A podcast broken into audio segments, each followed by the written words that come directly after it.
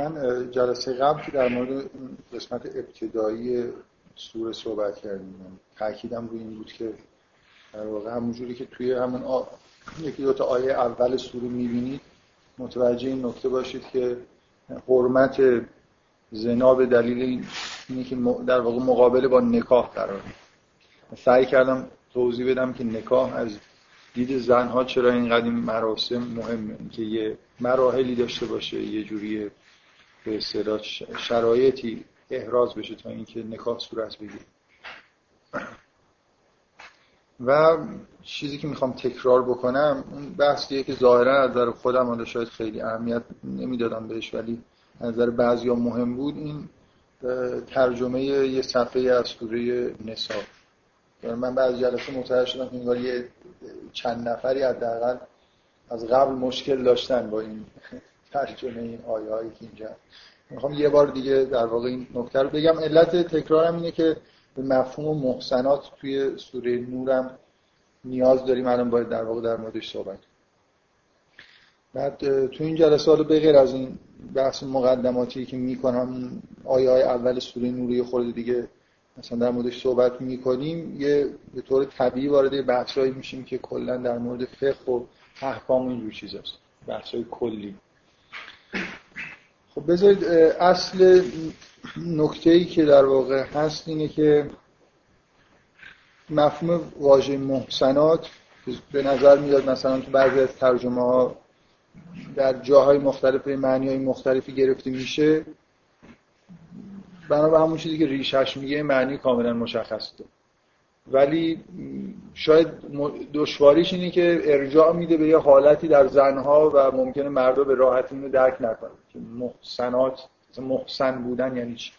اینکه هر زنی به طور طبیعی یه انگار حسنی در اطراف خودش ایجاد می‌کنه که آدم ها رو انگار از یه جایی اجازه نمیده بهش نزدیکتر بشن. اجازه نمیده مردا از یه حدی بهش نزدیکتر بشن. حالا اینکه این حس در چه فاصله باید قرار بگیره اینو شاید فرهنگ تعیین می‌کنه. ولی اینجوری نیست که اصولا در هیچ فرهنگی نیست که زنان این حالت رو نداشته باشن. یعنی به هر حال یه جوری همیشه از یه حدی بیشتر رو احساس می‌کنن که نباید اجازه بدن کسی بهشون نزدیک بشه. کاملا طبیعیه به دلیل مسئله بارداری و به هر حال. از نظر به اصطلاح رشته هست. از یه جهادی رشته خیلی مزخرفیه ولی چی میگن؟ میگن اصطلاحی هست میگن کاچی بهتر از هیچیه. یه رشته هست به اسم Evolutionary Psychology روانشناسی تکاملی. اساس این رشته اینه که می‌خواد در واقع توضیح بده که چرا بعضی از ویژگی های طبیعی و رفتارهایی در همه انسان ها دیده میشه و اینو می‌خواد با استفاده از نظری تکامل توجیه کنه مثلا اینکه چرا مردان نسبت به زنها یه همچین رفتارهایی دارن؟ یا چرا نمی‌دونم آدما نسبت به بچه هاشون همچین رفتاری دارن؟ و خیلی از چیزهایی که تو اجتماع می‌بینیم اون چیزای کور انگار رفتار انسان ها رو که خیلی وابسته به فرهنگی رو سعی می‌کنن از تئوری تکامل در بیارن. اینکه این کار کار خوبیه یعنی اصلا تئوری تکامل لزوما به اون معنایی که اینا میگن درست هست درست نیست. به نظر من مهم نیست که چه چیزی به اصطلاح مبانی داره این دانش ولی یه جور خوبیش اینه که لاقل یه بیسی برای تو این دوران پست مدرن که یه عده منکر هر نوع پایه مثلا برای رفتارهای انسان ها هستن مثل اینکه هیچ چیزی وجود نداره هیچ چیز مشترکی وجود نداره. منکر این هستن که مثلا یه هسته ای برای اخلاق انسانی وجود داشته باشه. بالاخره این یه شاخه علمیه که انگ scientific خورده دانشگاه مثلا مطرحه و به هر حال نتیجهش اینه که یه چیزایی از توی یه چیزایی تو رفتارهای انسانی نتیجه طبیعت انسان. چون خیلی از پست مدرن مخصوصا میشل فوکو اصلا مطلقا اینا منکر ذاتیات هم دیگه. یعنی که یه چیزهای ویژگی های طبیعی برای انسان وجود داشته باشه. کلا این جو توی دوران پست مدرن جزو نکته های کلی اعتقادات پست مدرن هست که همه چیز رو زایده فرهنگ می‌بینن. یعنی احساس می‌کنن که هر کاری که آدما می‌کنن مثلا حتی به این حد که تفاوت های بین زن و مرد ناشی از فرهنگه. یعنی آموزش و فرهنگ رو به وجود میاره. اینجوری نیست که زنها و مردا به طور طبیعی تفاوتایی داشته باشن. این جمله معروف سیمون دوبار که میگه که هیچ کس زن متولد نمیشه بلکه ما زن میشیم. یعنی یه جوری انگار همه یه جوری یکسان متولد میشن بعدا ویژگی های زنانه رفتارهای زنانه نتیجه آموزش و فرهنگی که ما توش قرار می‌گیریم خب این خیلی به حال وجود یه رشته مثل همین روانشناسی تکاملی حداقل کمک می‌کنه که با یه شیوهی که مارک علمی خوردن علمی خورده بتونیم چیز کنیم. از این حرف بزنیم که بعضی از چیزها در وجود انسان ذاتی یه بحث معروفی هست بین چامسکی و میشل فوکو که اساسش همینه. چامسکی می‌خواد چامسکی معتقد گرامر ذاتیه. و کلا نکته اختلاف اینه دیگه. آیا انسان چیزای به اصطلاح ویژگی های ذاتی داره یا نه؟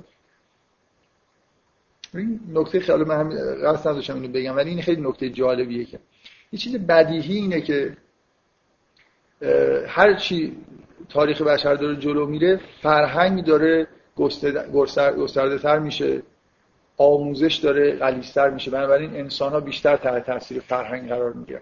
هر چی به گذشته نگاه کنیم انسان ها انگار جوری طبیعی ترن کمتر در اثر آموزش یه کارهای انجام میدن.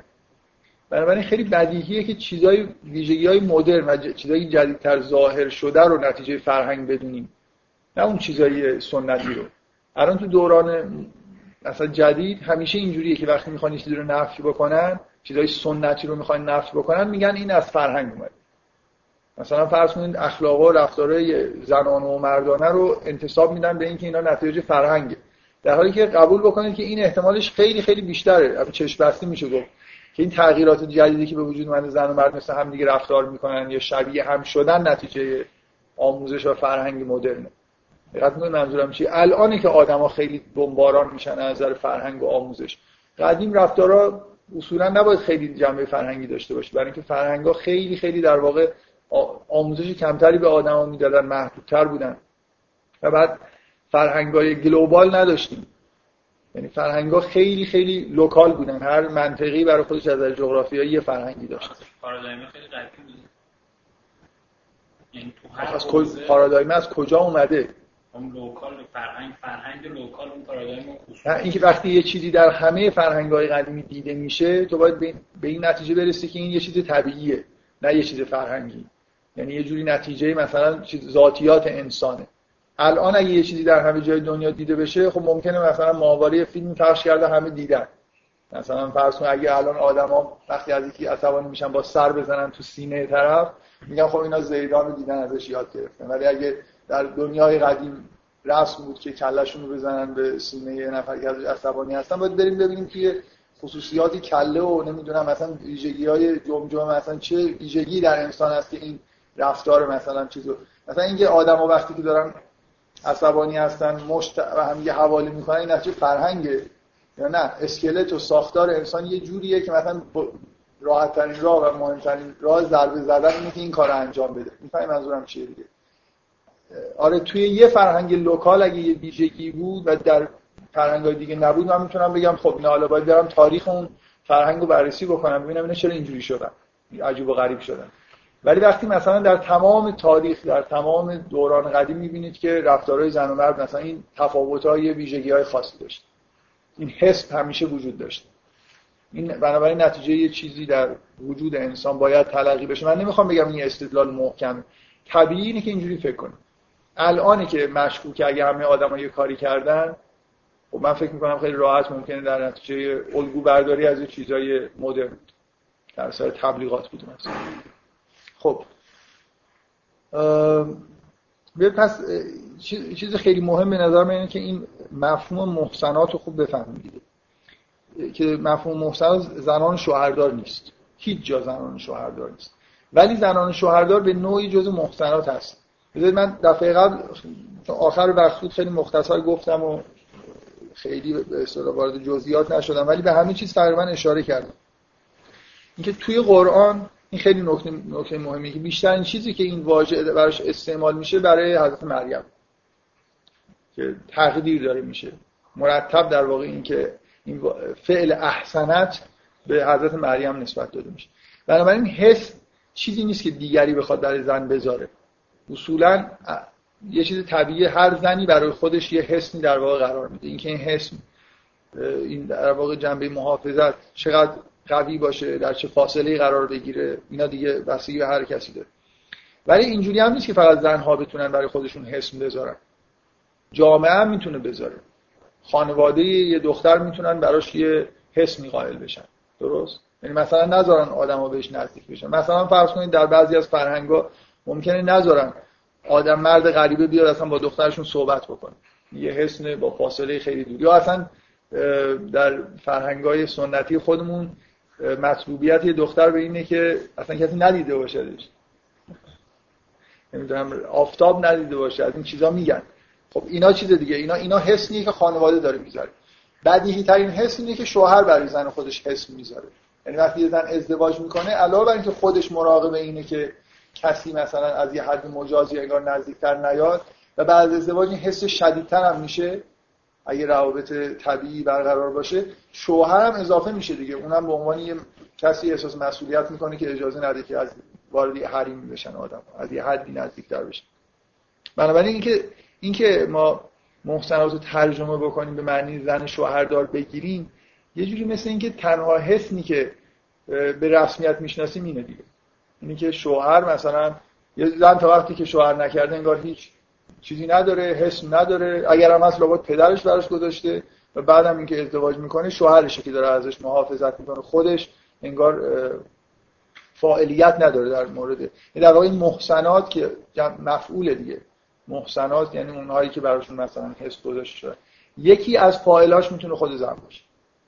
یکی از فاعلاش می‌تونه شوهر باشه می‌تونه خانواده باشه. خداوندم داره برای با تشریع داره برای زنان حس ایجاد می‌کنه. از چادر گرفته تا خیلی م... چیزایی که به اصطلاح توی شهر هست به نوعی در جهت همین تربیت کردن این احساسی که هر کسی نباید به زن به طور دلخواه نزدیک بشه. بنابراین محسنات مجموعه یعنی کسانی که حسن دارن کسایی محافظت شده هستن از خودشون گرفته تا کسای دیگه ای که در اطرافشون هستن ممکنه فائل این چیز باشن فائل این فعل حسم گذاشتن باشه. خب حالا بذارید من با این تصور که من فکر می‌کنم که تصور درستی از این معنی این واژه بذارید من یه بار اون ترجمه ای که من دفعه قبل که اومدم واقعا نرفتم نگاه بکنم الان این دفعه کار نکردم. ولی لاقل یکی دو نفر بودن که حساس بودن این ترجمه رو قبلا خونده بودن و می‌گفتن که توی ترجمه ها اصولا چی می این صفحه 82 با این قرآن استاندارد آیه در واقع 24 سوره نسا اینجوریه که ول محسنات من النساء الا ما ملکت. ادامه آیه که داره میگه که چه کسایی حرام هستن برای ازدواج کردن. آخرین عبارت اینه ول محسنات من النساء. و اون زنهایی که حسن دارن از نساء از زنها الا ما ملکت ایمانکم. مگر اونایی که به ملکیت شما در اومدن. خب ترجمه می‌کنن که مگر زنان شوهردار بنابراین اون عبارت بعدی میشه مگر مثلا کنیزانتون یعنی کنیز شوهردار رو یه نفر می‌تونه باشه ازدواج بکنه. اینجوری میشه دیگه دیگه اگه اولی رو زن شوهردار ترجمه بکنید این اینجوری میشه. بعد من اون روز واقعا یادم نبود ولی یادم اومد که بعضی اینجوری میگن که منظور از ما ملکت ایمانکم اینجا اسراست نه هر کنیزی. ولی اسرا رو واقعا فتوای فقهی دارن بعضیا که شما با یه زنی رو اسیر بکنید می‌تونید باشه ازدواج کنید ولی اینکه شوهردار باشه در مثلا چیز خودش. خب این نتیجه اینه که محسنات زن شوهردار می‌گیرن دیگه. به هر حال و واقعا اگه بگیرن این توجیه که فقط الا ملکت ایمانکم به اسرا میشه این که خلاف نص قرآن همه جا ملکت ایمانکم معنی چیزی میده بنابراین اینو باید اگه اینو زن شوهردار بگید ترجمه بکنید که شما اگه کنیزی داشته باشید که شوهر داشته باشن می‌تونید باش ازدواج کنید. هیچ حرفی هم از این نیست که باید عده نگه داره نداره. دارن آزاد دیگه من نمی‌دونم به باید اون ادامه رو اینجوری ترجمه کرد. و به یه چیز عجیب و غریب به یه حکم عجیب و غریب می‌رسیم که فکر می‌کنم خود کسایی که اونو محسنات ترجمه می‌کنن هم خیلی به این حکم اعتقاد ندارن که بشه با یه کسی که شوهر داره ازدواج کنه. بعد میگه کتاب الله علیکم و اوهل لکم ما برای ذالکم ان تبتغوا به اموالکم محسنین غیر مسافهین محسنین رو پس چی باید ترجمه کرد؟ محسن اسم فائل برای هم محسن دیگه. باید ترجمه کرد مثلا ازدواج کنندگان و اینجوری هم ترجمه می‌کنن. نکاح کنندگان غیر مسافهین نه زنا کنندگان. اینجوری ترجمه می‌کنن. در ادامه این که اون محسنات رو به معنای شوهردار گرفتن.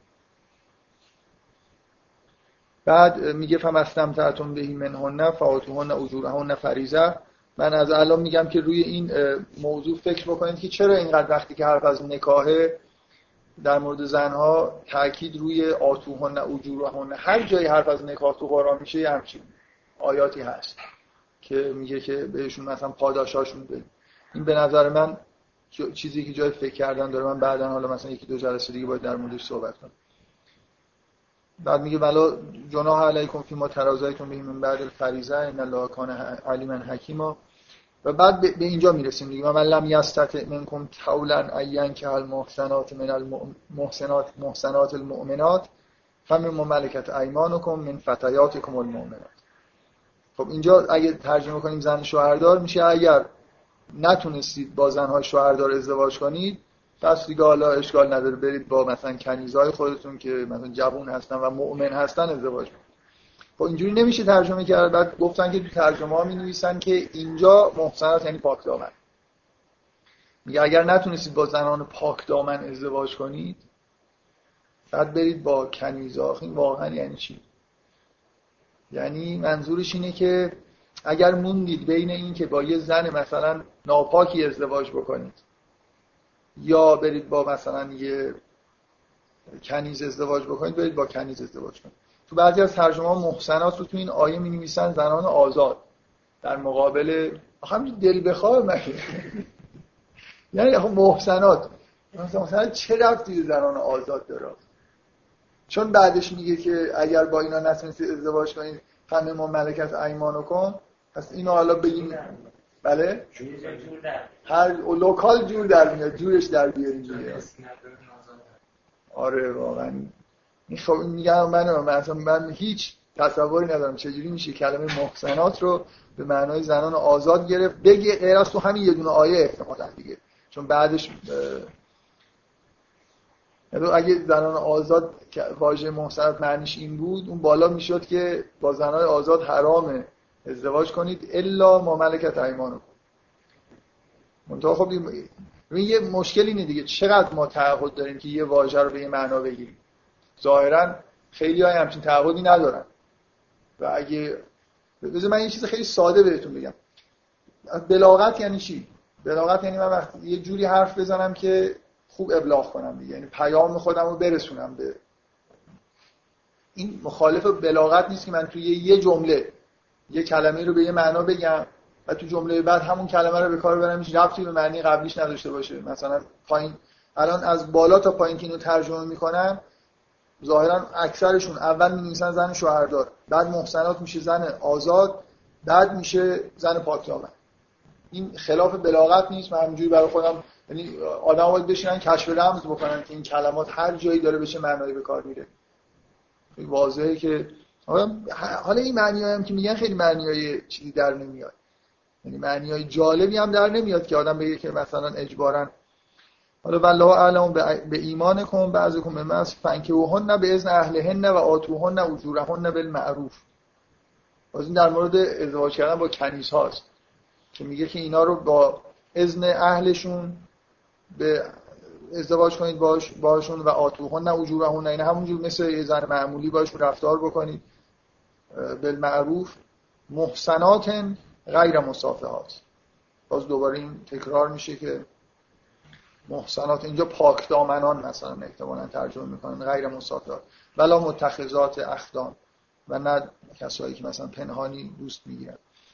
پس فیضا احسن نه فاین اتینا به فاحشتن فعلیهن نصف ما علی المحسنات. یعنی وقتی که احسن نه یعنی ازدواج ترجمه می‌کنن وقتی ازدواج کردن و این اتینا به فاحشتن اگر یه مرتکب خطایی شدن و نصف اون جریمه ای که علل محسنات اینجا منظور زنای آزاد چون دوباره در مقابل چیز من العذاب اینجوری قرار خب حالا با این من می‌خوام بگم که اولا این سه چهار تا معنی برای محسنات در نظر گرفتن دور از بلاغته ثانیا یعنی احکام عجیب و غریب در میان. اینجوری همینجوری که الان دارن ترجمه می‌کنن.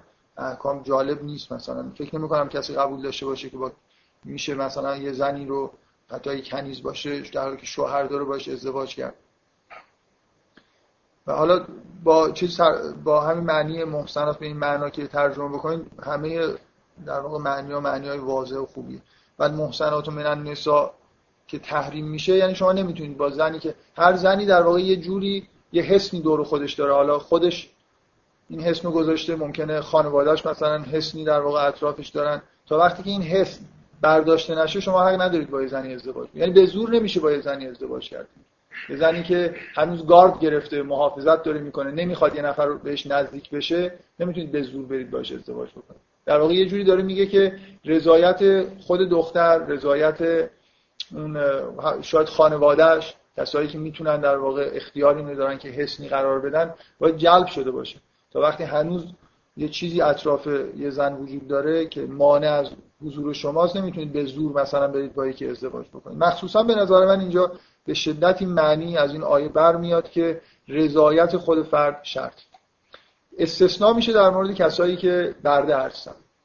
من چون تو سوره نوریه جایی بحث مسئله برده مثلا احکام بردگی و اینا هست من یه جلسه احتمالا در مورد مسائل مربوط به بردگی صحبت می‌کنم. حالا فعلا اینجا اینو حالا نمی‌خوام خیلی وارد بحثش بشم که چرا در واقع کسی که کنیزه استثناء میشه.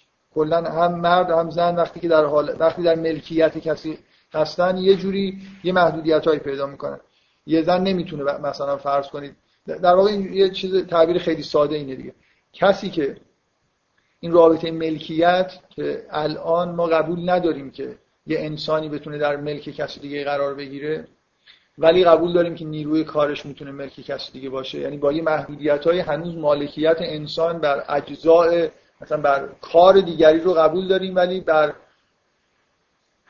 مثلا بر خود شخص رو به یه معنایی قبول نداریم که بشه مالکیت مالکیت تعریف کرد. ولی بردگی در واقع معنیش اینه دیگه. یه نفر می‌تونه ملک کسی دیگه باشه همونطوری که هر چیز دیگه به ملکیت در میاد. و در واقع ملکیت در ملکیت قرار گرفتن مثل یه قرارداد اجتماعیه که این طرف یه جوری اراده و اختیارش در چیز اونه. اون باید مطیع باشه دیگه. اگه قرار یعنی مثلا فرض کنید یه مردی که در ملکیت کسی دیگه است مثلا نوکرشه حالا کلفتشه یه زنی مثلا من, معمولا دوست دارم از واژه برده استفاده نکنم برای خاطر اینکه برده تصاویری تو ذهن حالا ولی در واقع این همون چیزیه که ما در فرهنگ خودمون بهش نوکرداری مثلا. یه نفر نوکرونه خدمتکارشه اینجوری نیست که حقوق دریافت بکنه. روزانه حقوق بگیره. یعنی اینکه برای اون طرف کار می‌کنه اون طرف هم در ازاش مثلا بهش جا میده غذا میده زندگیش در واقع در کنار اون شخصی که براش کار می‌کنه تأمین میشه. یه جور قرارداد اجتماعی منسوخ شده است ولی به هر حال در خیلی از جوامع وجود داشته. خب در, در واقع قرارداد اینه دیگه. اگه یه مردی در ملکیت کسی دیگه است نمی‌تونه اگر این ازش کاری خاص بگه من نمی‌کنم. مثل اینکه همه همه اراده و اختیار خودش رو در چیزمون قرار داده. بنابراین هر کاری که ازش بهش فرمان داده باید انجام بده. عبودیت مثلا در این قرارداد معنیش اینه.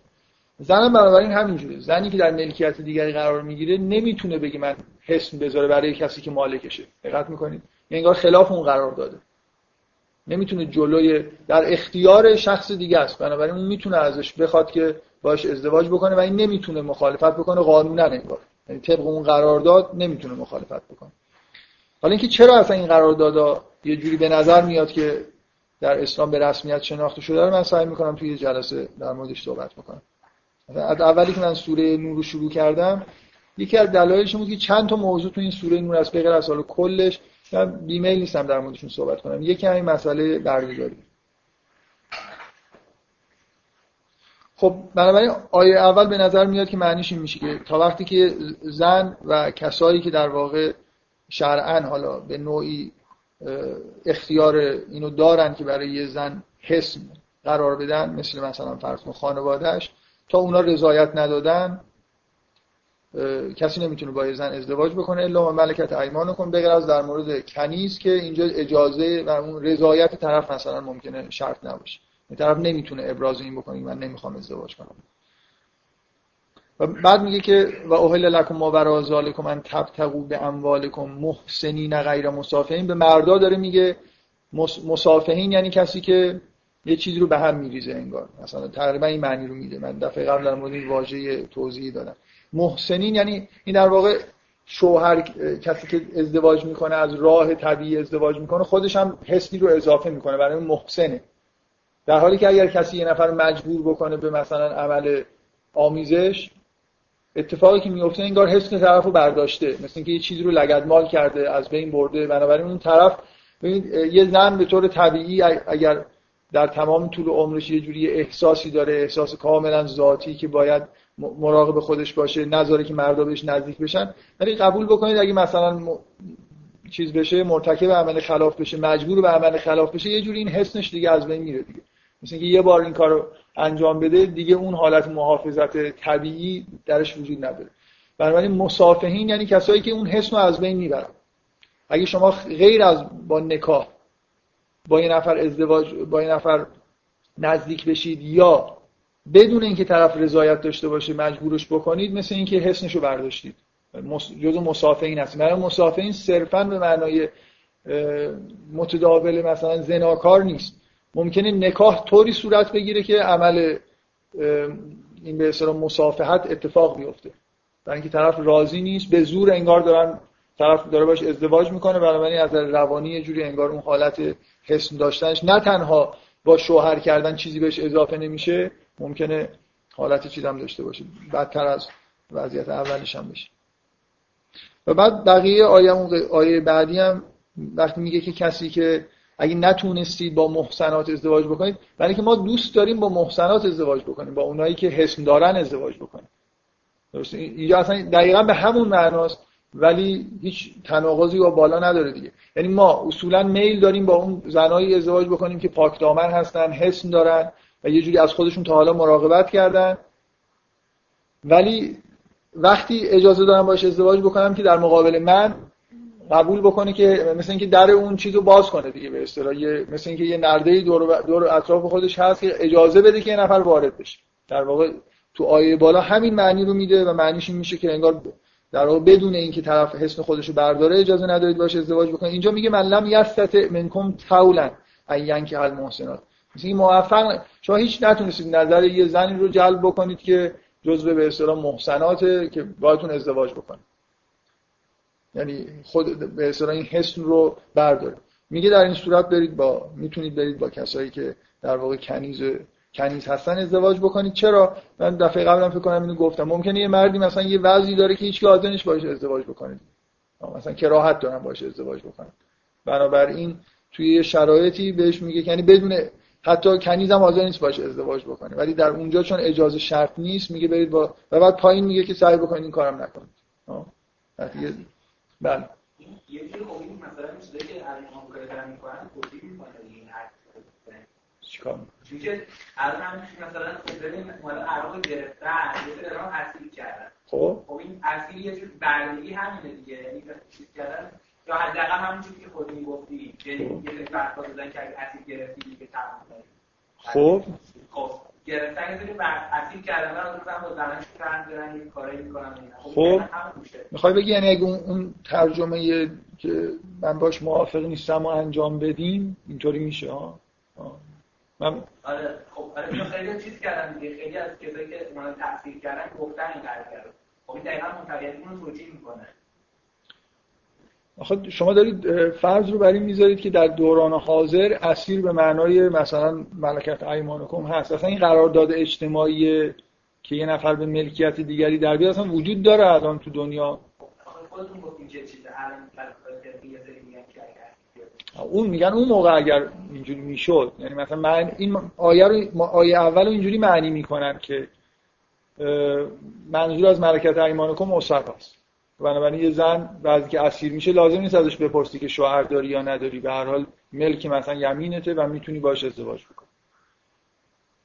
به هر ربطی به آمریکایی‌ها نداره. ما الان قرارداد ملکیت نداریم. لاقل خود آمریکایی هم قبول ندارن که.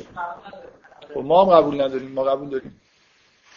که الان مثلا ما اسیر می‌گیریم به معنای نوکر خودمون حساب می‌کنیم. مثلا میاریم تو خونه های خودمون. کار نمی‌کنه. طبق قرارداد ژنو اسیر می‌گیریم. نشون داره از احکام فقهی استفاده می‌کنه برای خب حالا بگذاریم. اینجا باز پایینش میگه من تصویر و خیر لکم. حتی در یه همچین شرایطی که هیچ زن محسنه ای پیدا نشده اجازه دارین که با کسایی که در ملکتون هستن ازدواج بکنید ولی میگه که سعی کنید صبر کنید. تازه برای ازدواج با کنیز هم میگه که باید مثل حالت یعنی دیگه وقتی قصد کردید با یه کسی که در ملکیت شما ازدواج بکنید دیگه به اصطلاح خانم خونه است. دیگه این که حالا تو قبلا یعنی باید نظر اهلش رو جلب بکنی باید مثلا هم آتوهن نه بالمعروف یعنی همونطور طبق عرف باش رفتار بکنید محسنات غیر مسافرات. تازه چون طرف ممکنه راضی نباشه ببینید این الان این حکم معنیش روشن میشه به نظر من. چرا وقت اگر مرتکب فاحشه ای شد چیزش نصفه مجازاتش نصفه. برای خاطر اینکه ممکنه با رضایت ازدواج نکرده باشه. یه زنی اگر با رضایت ازدواج نکنه احتمال اینکه بعدا منحرف بشه هست. درست؟ خب حالا به نمی‌دونم. هم از نظر واژگان هم از ترجمه همه چیز به هم جور در میاد. هم از نظر بلاغت. بنابراین من هیچ احساسی ندارم که حتی اگر 90 درصد مترجمینم جور اون محسنات بالا رو زن شوهردار ترجمه کرده باشن معمولا اگه بحثی بشه دلیلی که میارن اینه که میگن عرب اینجور استعمال کرده یا می‌کرده. در حالی که هیچ کدوم این حرفا خیلی موثق نیست. یعنی به احتمال خیلی خیلی زیاد من اینو واقعا دارم با تقریبا اطمینان میگم که محسنات جزء واژه‌ای که در قرآن ابداع شده. یعنی اصلا در شعر و ادبیات عرب اصلا یه همچین واژه‌ای وجود نداره. بعد از اینکه قرآن اومده این واژه رو در واقع ابداع کرده به همین معنی که به نظر من کاملا معنی روشنی هم هست اون وقت حالا اعراب چجوری استعمالش کردن؟ مثل کلمه نجاست. کلمه نجاست در قرآن به این معنایی که بعدا در فقه استعمال شد نیست. مثلا این نمد مشرکون نجس به معنی این نیست که مشرکین نجسن یعنی نمیشه دستشون زد باید آب بکشید به معنای پلیدیه. دو سه قرن بعد معنی واژه عوض شده. اگر عرب در تمام دوران فرهنگ بعد از اسلام و محسنات به معنای زن شوهر داره استعمال کرده باشه هیچ رفتی به این ترجمه این آیه نداره. حتی اگر در اشعار جاهلی محسنات و معنای زن شوهردار اومده باشه که من یقین دارم نیومده بازم دلیل قاطعی نمیشه. ما یه همچین ترجمه عجیب و غریبی رو قبول بکنیم. دقت می‌کنید برای خاطر اینکه قرآن در هزاران مورد در صدها مورد واژه های زبان عربی رو به معنای دیگه استعمال کرده. مثل حالا من یه جلسه اصلا در مورد همین صحبت کردم. اسلام خودش یه چیز به اصطلاح یه چیز کاملا مثال مشخصش. من علتی که بحث مجدد مطرح کردم برای خاطر اینه که الان برگردیم دوباره تو سوره نور به شدت در با همین مفهوم محسنات اینجا درگیریم دیگه. یعنی بعد از اون دو تا آیه اول دو تا حکم اول که در مورد زناست حکم بعدی در مورد کسایی که والذین یرمون المحسنات.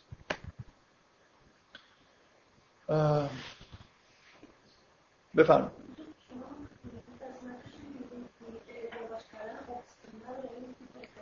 آره.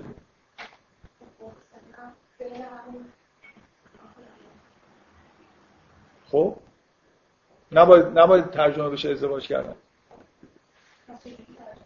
خب می‌کنن دیگه. من مشکلم اینه که من خب ببینید احسن نه یعنی اینکه حسن براشون گذاشتید حس براشون گذاشته شد. ببینید یه نفر ممکنه با یه زنی بدون رضایتش ازدواج بکنه خودش براش حس می‌ذاره شوهر براش حس می‌ذاره. بعد از ازدواج هر زنی محسن میشه. برای خاطر اینکه حتی اگه خودش هم حس نداشته. یا نذاشته باشه دیگه شوهرش لاقل این کارو براش می‌کنه. یعنی یه جوری ممنوعیت هایی به وجود میاد که آدما بهش نزدیک بشن یا نشن. حالا اینکه ممکنه اون کنیز خودش با رغبت ازدواج کرده باشه که عموما اینجوریه یعنی قبول بکنید که خیلی بعیده که یه مردی بخواد یه کنیشان آزاد میشه خانم خونه میشه. طبیعیه که کنیزا تمایل به ازدواج با یه مردی که اینا رو مثلا در ملکیتش هستن داشتن. فرض کنید حالا یه کنیزی به یه ترتیبی اگه نداشته خلاص حس پیدا کرده. بنابراین احسن نه به معنای ازدواج کردن نباید گرفت. به معنای اون اتفاقی که بعد از ازدواج میفته یا هم زن هم شوهر هر دوتاشون حس می‌ذارن یعنی زن رغبت داشته بنابراین میل نداره کسی بهش نزدیک بشه. حتی یه زن ممکنه بدون رغبت ازدواج بکنه ولی به دلیل پاکدامنی ذاتی خودش حسم داشته و همچنان هم محسن باقی بمونه. درست؟ شوهر هم که می‌ذاره. بنابراین اون آیه اشاره به اینه که بعد از اینکه اینا حسم دار شدن حالا ممکنه مرتکب فاحشه ای بشن. یعنی کسی رو به داخل این حسم راه بدن. بدون مثلا اجازه شوهرشون این در این در واقع به معنی اینه که فرض کنید که یه زنی با یه مردی ازدواج کرده بدون رضایت. بنابراین خودش اون احساسی که باید حس داشته باشه رو نداره. دقت می‌کنید؟ شوهرش فقط براش مفعول واقع شده. احسن فعل چیز دیگه مجهوله. اون وقت که حس براشون گذاشته شد. فاعلش می‌تونه خودشون هم باشن ولی حتما شوهرشون هست. بنابراین نگ... معنیش نیست که ازدواج کردن. معنیش اینه که حفاظ براشون قرار داده شد.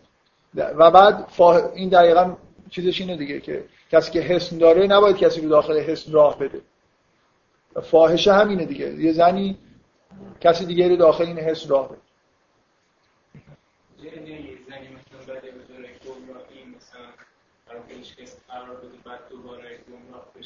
خب.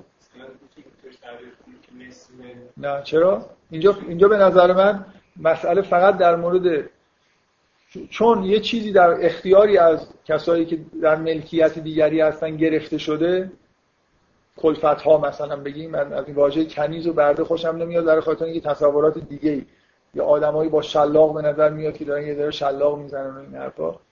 چون واقعا مسئله قرارداد اجتماعی. رو بذارید بعدا در موردش صحبت می‌کنیم یه چیزی از کلفت ها و نوکرها سلب شده. اختیاراتی ازشون سلب شده. طبق قراردادی که در جامعه وجود داره.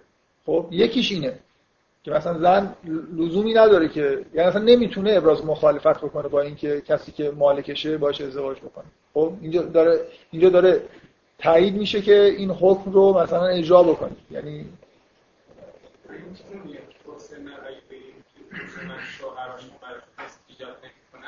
خب. آخه چه ارتباطی داره با این چیزی که این آیات داره میگه؟ یه زنی قبلا حس نداشته بعدا برای خودش حس گذاشته حالا دوباره برمیگرده به حالت اول خودش. اینجا به این دلیل بهشون تخفیف داره داده میشه؟ برای اینکه در ازای اینکه یه اختیار از اون سلب شده بود. زن می‌تونه ادعا بکنه که من رضایت به این ازدواج نداشتم از این آدم خوشم نمیاد. این به زور با مثلا فرض کن با طبقه قراردادهای اجتماعی من رفته مثلا فرض کن مالک من شده با من ازدواج کرده. بنابراین چون قلبا راضی نبوده یه جوری چیز دیگه احتمال اینکه به کار خلاف کشیده بشه بیشتره و داره در واقع یه جوری بهش تخفیف داده میشه.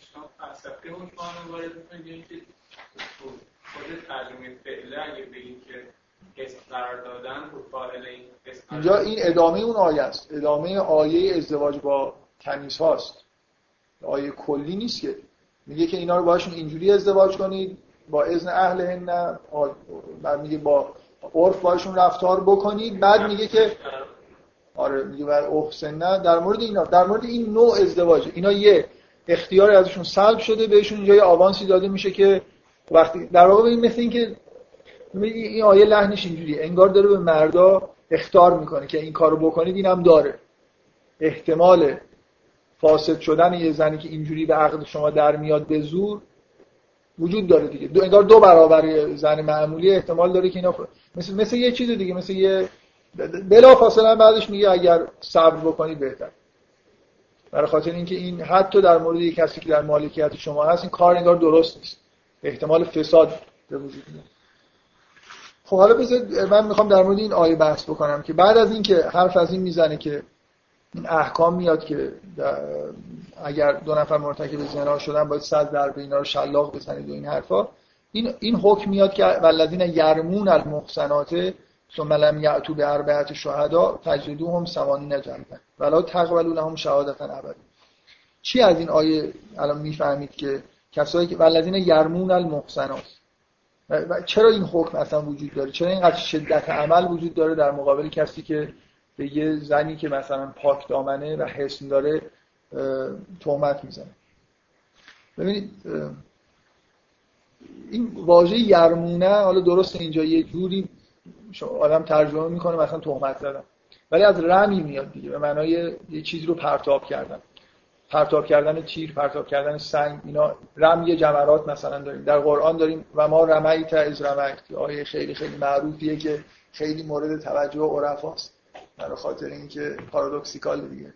و ما رمیت از رمیت میگه وقتی که انداختی تو ننداختی. خب میگه خودش میگه انداختی. و ما رمیت از رمیت اینکه عرفا از این به اصطلاح وحدت چیزای وحدت وجودی می‌فهمن دیگه. یعنی فعلی رو که خودش خداوند داره میگه تو انجام دادی رو میگه تو انجام ندادی. ولکن الله رما. خداوند بود که مثلا سنگ رو انداخت. خب پس یرمونا به معنای سنگ انداختن و یه چیزی رو پرتاب کردن. این چیزی که آدم می‌فهمه من می‌خوام از این واژه ها آدم می‌فهمه که اصلا به چه چیزی داره چه چیزی داره اینجا مجازات میشه. مثل اینی که یه زنی هست یه زنی هست که حس داره نمیشه بهش نزدیک شد. یه مردی می‌خواسته انگار بهش نزدیک بشه نتونسته. حالا داره از پشت حس انگار سنگ به سمتش پرتاب می‌کنه. در واقع داره یه جوری میگه که یه مردی که میاد در علیه زنی شهادتی میده که این مثلا مرتکب عمل خلاف شده انگار داره شکست خودش رو در مورد نزدیک شدن به اون آدم یه جوری جبران می‌کنه. یه جوری با این تهمت داره عمل مشابه با می‌خواسته در اون حسن وارد بشه نتونسته و حالا داره به یه طریق دیگه اون حسن رو میشکنه. به هر حال حسن رو داره میشکنه. زنی که بهش همچین تهمتی بخوره قبول بکنید که یه جوری مثل حالا در یه حدی مثل یه زنی شده که انگار بهش تجاوز کردن. درست؟ بدنام شده دیگه. بعد یه زن وقتی بدنام بشه یه جوری انگار حسنش حداقل آسیب دیده اگر کاملا از بین نرفته و این این یرمون المحسنات دقیقا این حالت داره که انگار مرد داره سعی می‌کنه که از اون حس یه جوری رد بشه. اگه نتونسته واقعا رد بشه حالا داره سعی می‌کنه با کلام خودش با حرف زدن یه چیزی رو بهش نسبت بده. دقیقا با همین تصویر که انگار از پشت حس داره به داخل حس سنگ پرتاب می‌کنه یه چیزی پرتاب می‌کنه. و در اینو من قبلا هم بهش اشاره کردم که پرتاب کردن معنای جنسی داره. بنا به هر کتاب روانشناسی روانکاوی ابتدایی هم که اشاره بکنید جزء به اصطلاح نمادهای جنسی مردان است. بنابراین یه جوری حس تجاوز توی این عمل وجود داره. تجاوز به داخل حس.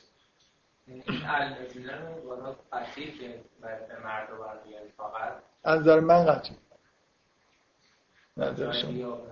نه ولی از نظر من قطعیه برای خاطر اینکه مفعول یرمونه محسناته. ولی اگه نبودم قطعی بود. اصولا این کار کار مردان است. این نوع رفتار رفتار مردان است. و دقیقا همین این جوری که من دارم میگم خیلی واضح روشن می‌کنه که چرا قرار نیست که حرفی از این نمی‌زنه که زنها بیان بر علیه مرد شهادتی بدن باید شلاقشون بزنن اصولا این خطا خطای مردان است. هیچ زنی نمیاد مردی رو مثلا که نتونسته نظرش رو جلب کنه منجر مثلا حسنی اونجا وجود نداره اصلا سنگ انداختنی وجود نداره به داخل حس. اصولا این عمل این این نوع این فعل به اصطلاح متهم کردن و تهمت زدن انگیزه های مردانه داره نه انگیزه های زنانه. نه اینکه امکان نداره که یه زنی مثلا شیطنتی بکنه و یه کار این شکلی انجام بده ولی اصولا این چیزی که داره نفی میشه. در واقع جلوی یه چیزی داره گرفته یه, یه حکم خیلی سنگینی داره گذاشته میشه برای کسایی که عمل خلاف انجام میدن. و بعد جلوی اینم داره گرفته میشه. چون با شهادت میشه مردم متهم کرد باید جلوی این گرفته بشه تا آدما مثلا امکانی همچین کاری نداشته باشن. و اگر این خودش در واقع می‌تونه یه چیز باشه. دیگه یه گناه جدید باشه که مردا وقتی دستشون به زنی نمی‌رسه می‌تونن برن پشت شروع کنن حرف زدن. اینو نه در دادگاه ولی این کار همین الان هم مردا انجام میدن. اگه خیت بشن اون وقت ممکنه از یه همچین مثلا برای طرف حرف در میارن. دوست دارن در مورد اینکه طرف مثلا چیز حرف بزنن دیگه. حالا برای چیز ویژگی روانیه که اینجا داره در مورد مردا ذکر میشه نه در مورد زن. یه چیزی هم تو این آیا هستش که میگه که به یه چیزی که اشاره می‌کنه که چرا چیزی بهش علم نداشتین و رفتین مثلا رو مثلا یه همچین چیزی هم اشاره شده که اینا دیگه من فکر نمی‌کنم حضور مرد به همه برگرده آره آره. ولی ولی اینجا ببین اینجا فرض بر اینه که این مرد داره دروغ میگه. داره تهمت می‌زنه. چرا میگه یعنی می‌دونم الان یه شواهدی آوردیم که خوب می‌خوره که مثلا مرد باشه. ولی بازم نمیشه. که اینجا مردها هستن که واضحه که نظر دستوری. دیگه اون که جای حرف یعنی اگه حرفای من قبول نکنی هم این که اینجا داره در مورد مردهایی که به زنها تهمت می‌زنن صحبت می‌کنه. یعنی که در مورد محسنات. محسنات مفعول این یرمونه است. بنابراین هیچ شکی تو این که اینجا از یا بعدا هم داره در مورد شوهرهایی که به زنهاشون تهمت می‌زنن. در این آیات در مورد اونا داره بحث نمی‌کنه. من نمی‌خوام بگم که جو ببین من صد بار تا این حرف زدم. قرآن همه احکامو که بیان نمی‌کنه. قرارم نیست بیان بکنه. یه چیزی رو داره بیان می‌کنه که مهمه. مثل اینکه تو نمی‌بینی. این که مثلا فرض کسی شهادت دروغ بگه باید مجازات بشه خب همه ما می‌فهمیم. ولی اینجا یه چیزی در... یه انگیزه تهمت زدن در مردها وجود داره که جنبه جنسی داره اصلا. که ممکنه من همینجوری متوجه نشم. بنابراین اینجا داره یه حکم خاص بیان میشه. برای مردهایی که به زنهایی که بهشون راه نمیدن در واقع این تمایل پیدا می‌کنن که مثلا یه چیزی رو خلافی رو نسبت بدن. و یه جوری در واقع اون عمل شکستن حسن رو دارن انجام میدن. دارن توسط کلام انجام میدن. با حرف در آوردن دارن انجام میدن. یعنی آدم پاک دامن و وقتی همه مردم یه زنی رو به عنوان آدم مفسد نگاه بکنن قبول کن حسش برداشته میشه دیگه. یعنی تا حدود زیادی اون حالت اولیه خودش رو از دست میده اون حالت روانی که داشته از خودش محافظت می‌کرده. اینجا به یه پدیده داره اشاره میشه. اینکه انواع شهادت دروغ مثلا فرض کن یه چیزایی دارن یه عواقبی دارن اونم خب سر جاشه تا اینجا داره در مورد این موضوع بحث میشه. یه چیز دیگه این که کلا شهادت دروغ دادن به عنوان یه چیزی که واضح با گذاشتن یا تشریع احساس میشه از این جهت میشه. شهادت دروغ دادن زیر پا گذاشتن یه تشریعی آره خب درست. که مرد کمتر کمتر داشته رو بزنن شهادت دروغ بگن. آره خب خب. آره. ولی به هر حال این آیه من, من می‌خوام بگم این اگه معنی محسنات رو بفهمین این آیه خیلی روشن داره یه چیزی میگه. یه نکته در مورد مردها و رابطهشون با زنها و پا... زنهای پاکدامن. میگه اینکه یه میلی وجود داره انگار در یه مردی که تقاضای ازدواج کرده یا به هر طریقی خواسته به زن نزدیک بشه نتونسته. مثل یه آرزویی داره و و داره سعی می‌کنه که در واقع یه جوری انگار از اون حس رد بشه. و می‌بینید که تقریبا به اندازه عمل زنا اینجا براش چیز قائل شده. یعنی به اندازه اینکه انگار تجاوز کرده باشه واقعا چهار پنجم تعداد ضرباتی که اونجا هست و این آدم باید بخوره. این لزوما ببینید از یه طرف اول اولین چیزی که آدم ازش می‌فهمه اینه که چقدر سختگیری وجود داره در مورد اثبات این که واقعا دو نفر مرتکب عمل خلاف شدن. و اون دفعه اول گفتم شما وقتی این آیه رو می‌خونید کاملا به این احساس می‌رسید که زنا در ملع عامه که حد داره. نه خود به اصطلاح. اگه یعنی دو نفر وقتی با هم میگه عمل خلاف انجام میدن چهار شاهد که حاضر بشن بیان شهادت بدن توی دادگاه یعنی خیلی این عمل در واقع حالت رسوایی داشته دیگه. بنابراین از یه طرف اولین چیزی که ما از این آیات می‌فهمیم از این سختگیری روی اینکه چهار شاهد باید وجود داشته باشه اینه که شما مثلا اگه تنهایی یه صحنه خلافی رو دیدید اصلا نمی‌تونید برید شهادت بدید. این داره جلوی شما رو می‌گیره به این احکام داره جلوی شما رو می‌گیره. اگه یعنی دو نفر در خلوت دارن یه کاری می‌کنن اتفاقا یه نفر از اونجا گذشت اونا دارن برای خودشون در خلوت یه اشتباهی رو مرتکب میشن. این مجازات اجتماعی نداره که اینا رو شلاق بزنن یه عده بیان تماشا کنن. یه عده بیان شاهد باشن. مثل اینکه وقتی که حرمت جامعه شکسته میشه یعنی در حد یه چیزی واضحه که چهار نفر آدم عادل دیدن و حاضرن بیان شهادت بدن. ممکنه حداقل در 20 نفر باید دیده باشن تا چهار نفر. ممکنه طرف نیاد شهادت بده. ممکنه آدمایی که دیدن اصولا شهادتشون تو دادگاه به دلایل معتبر نباشه. مثلا از قبلش این کارو که این این آدمایی که یرمون المحسنات می‌کنن دیگه تا ابد میگه از اینا شهادت قبول نکنه. کسی که یه باری همچین شهادتی داد بی من می‌خوام بگم علاوه بر اون مسئله اینکه چهار شاهد لازمه از این آیه ما یه چیز دیگه ای می‌فهمیم. یه حسی در مردها برای اینکه انگیزه ای دارن برای تهمت دادن به زنهایی که پاک دامن هستن.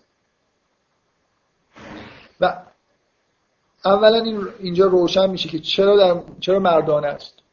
بله چجوری می‌خواید توجیه بکنید که چرا این آیه این حکم در مورد مرد در مورد زن ها اینجا یه چیزی در مورد رابطه بین مرد و تهمت زدن به زن وجود داره که برعکسش وجود نداره. ثانیا این که الان تا حدودی روشن میشه چرا وقتی که یه مرد به زن خودش تهمت می‌زنه کاملا احکام فرق می‌کنه. اونجا حسی وجود نداره.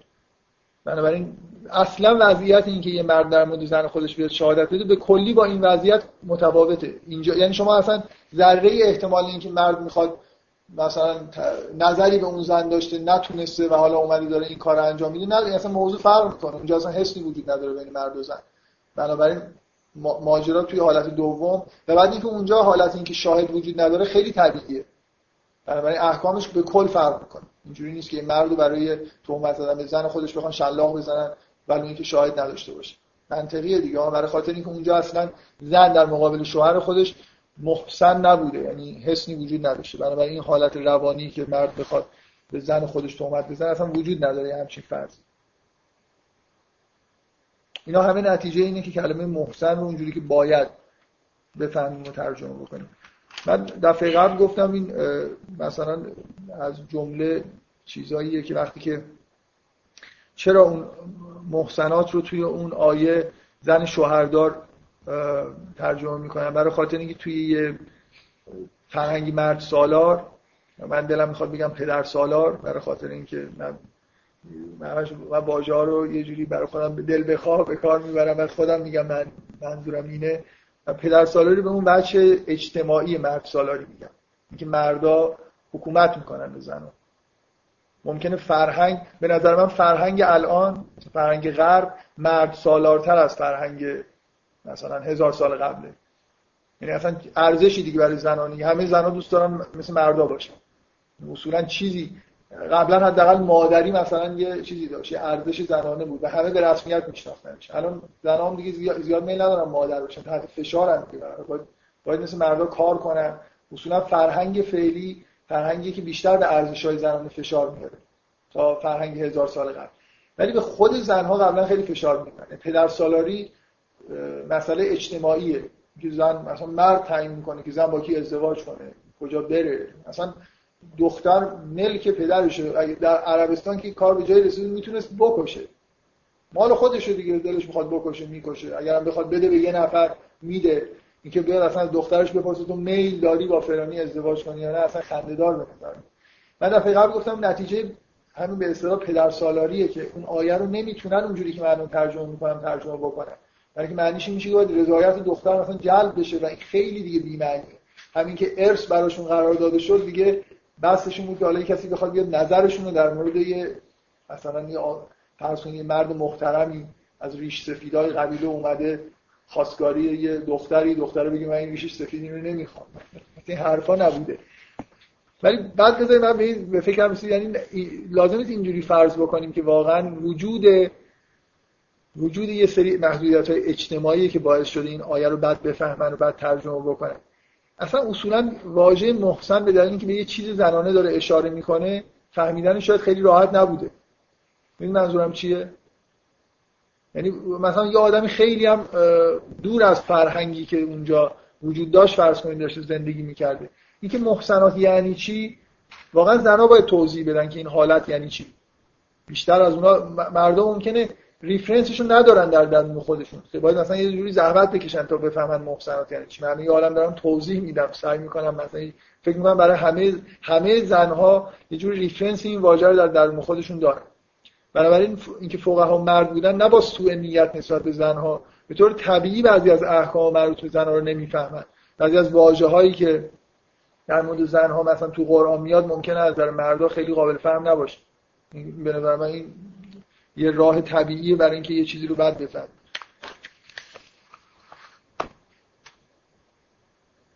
خب. بریم سر یه مطلبی که من بارها جسته گریخته در موردش صحبت کردم و حالا می‌خوام دیگه کلا یعنی یه چیز کلی در مورد احکام و فقه بگم. من چندین بار به این اشاره کردم که از این آیات برمیاد که حکم رجم وجود نداره در قرآن.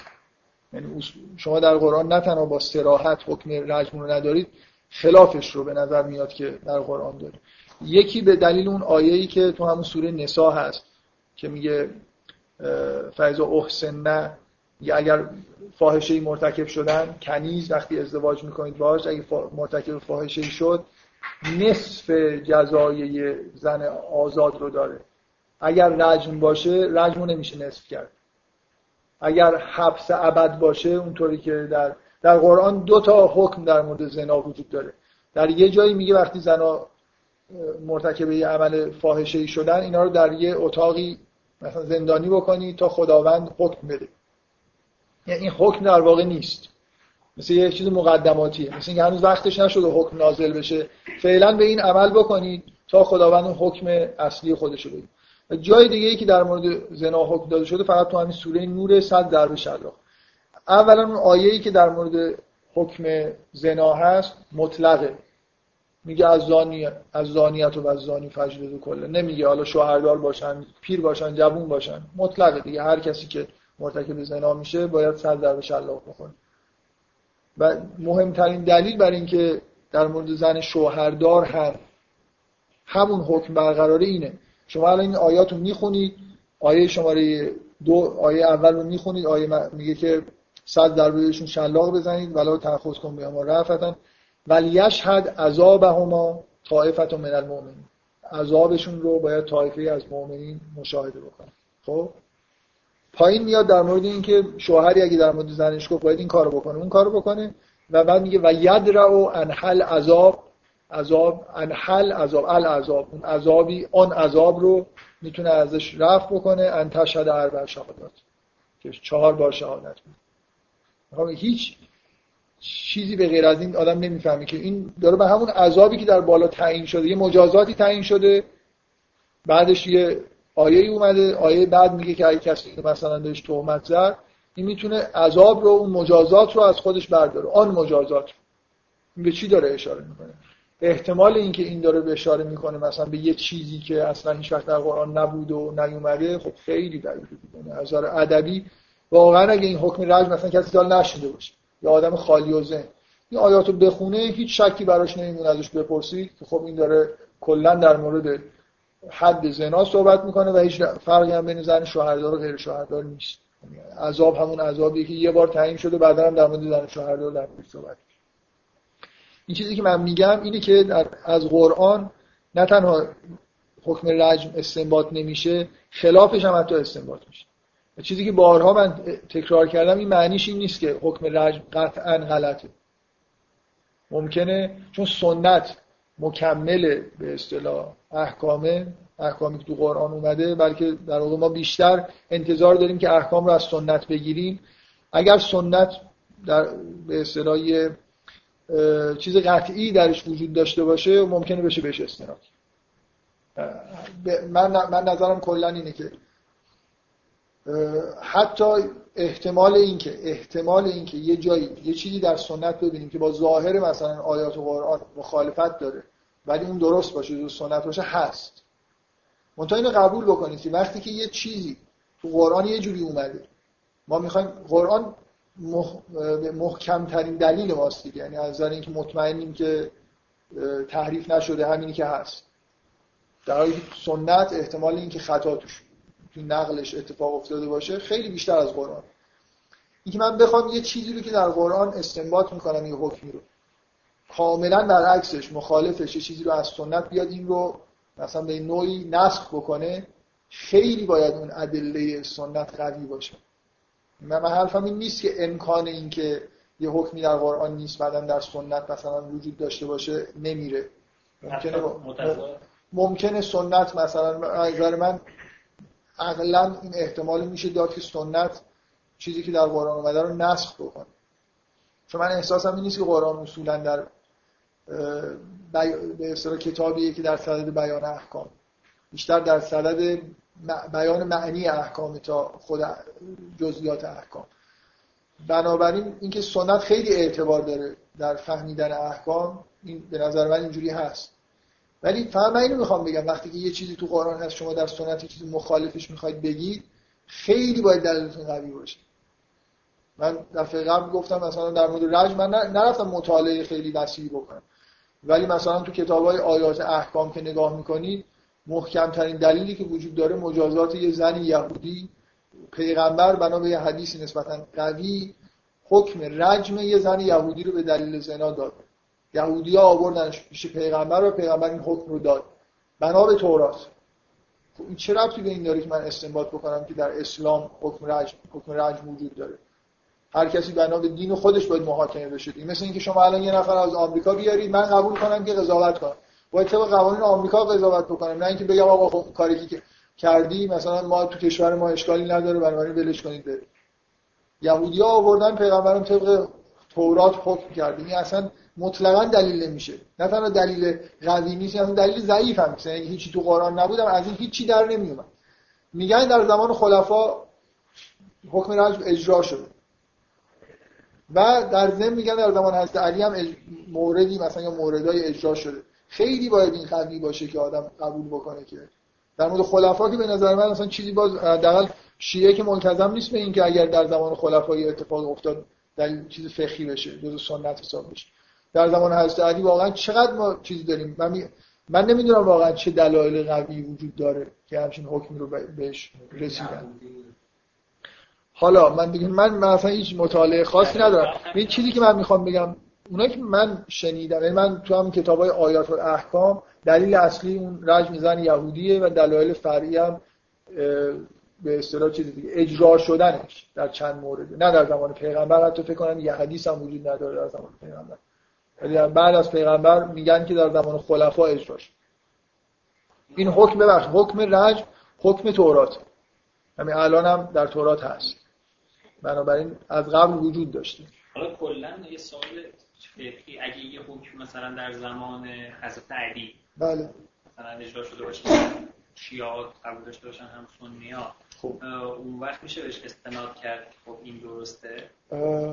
اصولا آره دیگه. اصولا دیگه آره. اگه حضرت علی حکمی داده باشه شیعه قبول می‌کنه که این جزء به احکام شرع دیگه. اگه یک کسی رو آورده باشن خود حضرت علی حکم رجم داده باشه براش. مسلمون هم باشه طرف یعنی همه شرایط طبیعی باشه نه اینکه یهودی باشه. خب اگه فکر می‌کنم باید همچین استنباطی کردی. منتها به شرط اینکه من همه حرف من اینه. خیلی باید احادیث قوی باشن برای اینکه شما یه چیزی رو که در قرآن هست و باش نقض بکنید. یعنی الان از قرآن به نظر من استنباط میشه که زن شوهردار و زن بدون شوهر فرقی با هم دیگه ندارن. یه حکم براشون. حالا اگه می‌خواد اینو نقض بکنید به نظر عقلی اینو چیز نمی‌دونم. منکری نیستم که ممکنه یه همچین وضعیت پیش بیاد. یعنی یه چیزی در سنت بس داده میشه یه حکمی یا حتی در این مواردی ممکنه با یه ظاهر یه چیزی در قرآن مخالفت داشته باشه. ولی خیلی باید قدرت هر چقدر که اون چیزی که در قرآن هست قوی تر شما استنباط می‌کنید اون برم نقض کردنش سخت میشه. اولین دلیل ما نظر فقهی کتابه بعد سنته. و سلسله مراتب باید رعایت بکنیم واقعا. این سنت ما, ما کتاب از نظر نقلی خب خیلی برامون ارزش داره دیگه. اگه یه چیزی رو استنباط اینکه صراحتا حکم رجم نیومده. صراحتا هم حالا مثلا یه نفر بگه من نمی‌تونم بگم رجم در قرآن نیست. می‌تونه بگیم مثلا میشه اینجوری گفت که خب حکم بعضی از احکام اگه تدریجا ناز... تکمیل نمی‌شدن. مثلا فرض کنید تا یه جایی احکام در قرآن اومده بعد مسئله زنای شوهردار یعنی اون مطلق و توسط یه سنتی مقید شده. در این مورد این کارو بکنه. آره. بله. خب چرا اصلا اینجوریش که نمی‌کنیم همون که اومده که گفته اصلا این خاطر تاکید کنه که چیز نیست. ببین در زمانی که اون آیه اومده که نصفه که بدیهیه که حکم سنگسار لابد وجود نداشته خب؟ ولی خب یه نفر می‌تونه بگه که بعدا در سنت ولی در یعنی نه در در سنت اسلامی فرض کنید مثلا یه تعبیر می‌تونه این باشه. تا مثلا اواخر دوران پیامبر حکم این بوده که همه صد ضربش تازیانه بخورن. همه. شوهردار غیر شوهردار نداشتن خب؟ کنیزان 50 ضربه بخورن به اون دلیل اون آیه. مثلا در اواخر اون پیغمبر یه چیز مقید کرد به اینکه مثلا رجم بکنید کسی رو که اگه شوهر دار باشه نه لزوما. نه من میگم که لزوما اینجوری نیست. ممکنه یه سنتی در مقید کردن یه حکمی از قرآن رو سنت انجام بده در این مورد خاص یه جوری دیگه ای حکم می‌کنه این عقلا محال نیست. چون اصولا سنت در منبع به اصطلاح استخراج در جهت بیان احکام. قرآن بیشتر در بیان حقایق حتی حقایق احکام. که این احکام چرا وضع شدن. هیچ وقت مثلا وارد جزئیات نماز نمیشه. قرار نیست شما نماز خوندن رو از قرآن یاد بگیرید. نه درسته ولی خب اومده گفته که این یعنی خب بعد سنت درست اگه تو خود قرآن مثلا یک حکمی نباشه خب می‌تونه چیز کنه. ایشون منظورش اینه که اگر بعدا سنت مقید کرده باشه اون آیه اصلا کلا نابود میشه. یعنی منظورش آره، خب این یعنی می‌خواد بگه خیلی موضوع شدید تر از اینه که بخواد فقط مقید شدن باشه. درست یعنی دیگه ما نمی‌تونیم مثلا یه کسی که به زور ازدواج کردن نصف چیز کنیم. نصف بدنش باید سنگسار کنیم. آره. اون خود کلا از بین میره خب به هر حال دیگه من من حرفم اینه. چندین بار اینو گفتم بازم دارم میگم خیلی سخته با سنت شما بخواید یه چیزی که تو قرآن استنباط می‌کنید و نقض بکنید. خیلی باید یه چیزی. آخه برای چی ما این کارو بکنیم؟ چرا یه چیزی که تو قرآن می‌بینیم مطمئنیم که این کلام خداست؟ بیایم با یه روایتی که ممکنه درست نباشه نقض بکنیم. مگر اینکه روایت خیلی مطمئن باشه متواتر باشه صدها روایت داشته باشیم یا بارها مثلا در زمان پیغمبر رجم صورت گرفته باشه که دیگه هیچ شکی نمونه که همچین حکمی وجود داره. من در مورد رجم میگم مطالعه خاصی ندارم ولی تا این مقداری که مختصری که نگاه کردم اصلا هیچ چیز قوی وجود نداره. بنابراین کاملا شک برانگیزه که اصلا این حکم وجود داشته باشه. بفرمایید. سوالی که من اینه که اسلام احکامش چجوری اومده؟ اینجوری که اومده کم کم تو جامعه توجه شرایطی بوده. هی گفته تا کاملش کرد هی جامعه روش کرده هی احکام قوی‌تر آورده تا احکامش گفت خب جامعه که همیشه در حال رشد نبوده بعدش یه زمانه اسلام مثلا کلی عوض شده بود منحل شده و جامعه شاید دوره صعود کرد خب بس همین چرا همیشه باید آخرین احکامی که توی اسلام اومده اجرا شما یه جوری دارید یه تعبیر خاصی انجام این, این سوالایی که شما میگید به نظر من اینا سوالای خیلی مهمی هست. خیلی هم ما در واقع من حالا بعدا شاید یه مقداری در این مورد صحبت بکنم. اصلا جای یه جای یه علمی مثلا تحت عنوان فلسفه فقه علوم اسلامی خالیه. مثلا احکام چی؟ چه ارتباطی مثلا با حالتهای به اصطلاح جامعه دارن؟ خیلی چیزا. خیلی سوالای کلی در مورد احکام و تشریع وجود داره که باید آدما بهش جواب بدن. من احساسم اینه که همه فقها در ذهنشون تصوراتی دارن در مورد که احکام چی هستن. من می‌خوام یه همین سوالا رو یه جوابهایی توی ذهن همه آدما هست ولی هیچ با صراحت بیان نمیشه. ممکنه وقتی بهش دقت نمی‌کنن در واقع یه جوری انگار هر هر فقیه یه فلسفه فقهی داره. مثلا الان شما دارید یه جور خاصی شما با یه فلسفه خاصی دارید نگاه می‌کنید. احکامی چیزهایی هستن که در حالی که جامعه داره مثلا رشد می‌کنه اینا همینجور میاد و بعد وقتی که قرآن نزول وحی قطع میشه جامعه همینجور به تغییرات خودش ادامه میده. بنابراین ما هم باید احکام مثلا دستکاری بکنیم. یعنی به همون مثلا یه نفر ادعا بکنه که ما باید از قرآن و سنت یاد بگیریم که همین تحولات جامعه که اتفاق میفته چجوری احکام رو دگرگون کنیم مثلا شما دارید یه نگاه خیلی چیزی می‌کنید نگاه یعنی برای خودتون فرضی دارید از نظر فلسفی که احکام چی هست و مثلا بعضی اینجوری نگاه می‌کنن که خداوند گذاشت تا جامعه به یه حدی برسه از نظر پیچیدگی که همه احکام خودش رو بتونه بیان بکنه. و بعد قرآن رو نازل کرد پیغمبر رو فرستاد. و دیگه حلال محمد حلال الی یوم القیامه حرامش هم حرام الی یوم وقتی که دیگه این بسته شد مثلا از دیدگاه شیعه وقتی نزول قرآن تموم شد ائمه اومدن و تموم شد دیگه همه چیز تموم شد. دیگه اینکه جامعه چه تغییراتی می‌خواد بکنه خداوند زمان مناسبی رو انتخاب کرد که این کار رو انجام بده. دقت می‌کنید فرقش با چیزی که شما میگید چیه؟ یعنی اصلا چرا چرا خداوند در روز اولی که بشر اومد روی کره زمین قرآن رو نفرستاد؟ مثلا احکام رو نفرستاد. هنوز جامعه به اندازه کافی متحول نشده. در یه لحظه ای از زمان ما به جامعه رسیدیم که می‌شد همه احکام توش بیان کرد. به اندازه کافی پیچیده شده بود زبان به اندازه کافی رشد کرده بود بنابراین خداوند این کارو کرده و دیگه تموم شده. من من من, من حرفم اینه حرفم اینه که شما دارید یه نگاه به فقه در واقع ارائه می‌دید که جای بحث داره. کسی دیگه ممکن اینجوری من فکر می‌کنم اصولا فقها اینجوری که من میگم نگاه می‌کنن. یعنی یه چیز تمام شده.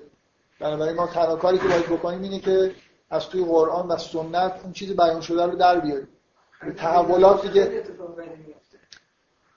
خب فکر نمی کنم فقها وقتی دارن عمل فقهی خودشون رو انجام میدن به اینکه به نتیجه به چه نتیجه می‌رسن فکر بکنن. فکر می‌کنن که دارن حکم خداوند رو استخراج می‌کنن. ولی من چیزی که میگم من می‌خوام بگم این سوالایی که شما دارید می‌کنید سوالاییه که باید مدون بشه. یه فقیه باید بدونه که حداقل با یه فرضی داره کار می‌کنه. با اینکه یه جور خاصی داره نگاه می‌کنه به مسئله تشریع ببینید یکی من دفعه قبلا به این اشاره کردم. اگه از من بپرسید چرا حکم رجم وارد اسلام شده به دلیل مقالطه یکی تو ذهن خیلی هست که احکام خدایی چیزای خاصی هم. نمیشه به موسی اینو گفته بعدا به محمد چیز دیگه گفته باشه.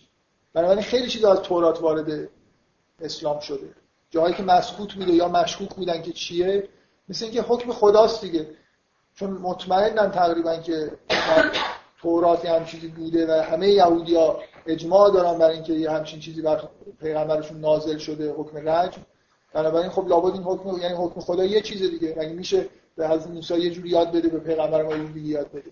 یه،, یه چیزی در ذهن بعضی از فقها و آدم ها وجود داره. اونم اینه که احکام یه چیز تقریبا این روایت دومی که من گفتم اینکه خداوند گذاشت جامعه به جایی برسه همه احکام بیان بکنه یه جوری مبتنی بر همینه دیگه. احکام این چیزای فیکسی هن. کافی شرایطی ایجاد بشه ما اینا رو بیان بکنیم. اینجوری نیست که یه پیغمبری یه حکم آورده باشه پیغمبری یه حکم دیگه بیاره. یه بخشی از احکام یهودی ها وارد اسلام شده. فکر می‌کنم اینجوری این درسته.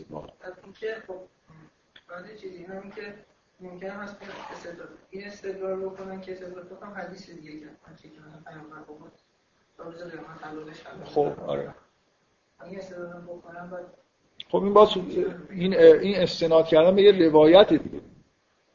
باید در مورد این قدرت این روایت چقدر واقعا صحبت کرد مثلا من فکر می‌کنم که از این روایت قبول داشته باشه باید الان قبول داشته باشه که بردگی همچنان معتبره. چون حلال بوده دیگه. حرام تحریم نشده در زمان پیغمبر. یا خیلی چیزای دیگه. حالا بگذاریم. برای من من فقط خواستم بهتون تذکر بدم که شما دارید از یه فرضی استفاده می‌کنید یعنی مثل اینکه یه تصوری دارید در مورد اینکه احکام چی هستن. چقدر مثلا قرار تغییر بکنن. مثلا نماز مثلا فرض کنید هزار سال بگذره دیگه لازم نشه مردم نماز بخونه.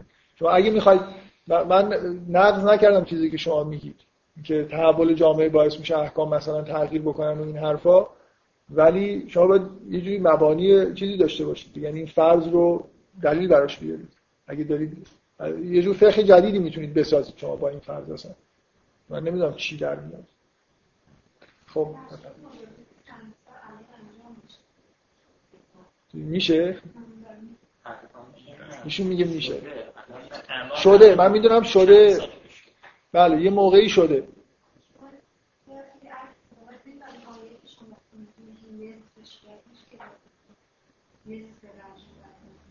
نمی من اونو دلیل آوردم برای اینکه حکم رجم نیست.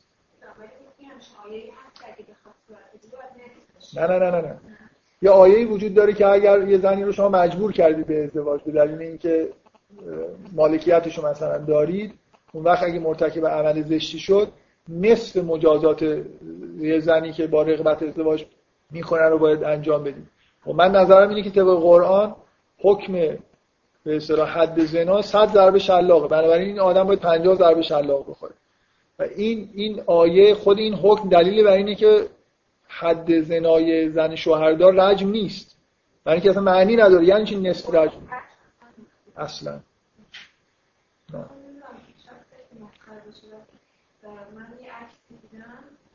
اینکه تو ایران انجام شده. برای اینکه اکثریت فقها فتواشون اینه که رجم قبول دارن.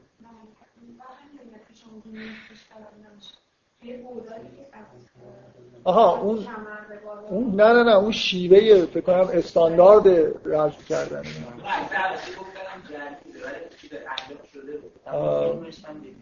منم منم فیلمشو دیدم.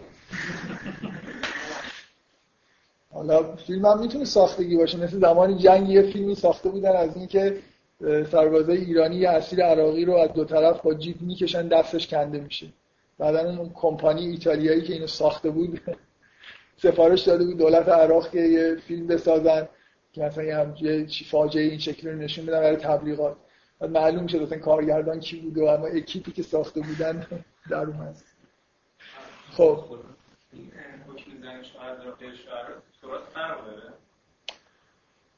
فکر می‌کنم. مطمئن نیستم. در فقه اسلامی خیلی تبهر ندارم چه رسید در فقه یهودی. خب. من حرفم روشنه دیگه. حالا می‌خوام در مورد همین یه خورده بیشتر بحث کنم جاهایی که به نظر میاد قرآن یه چیزی میگه ما توی احکام چیزی دیگه ای داریم.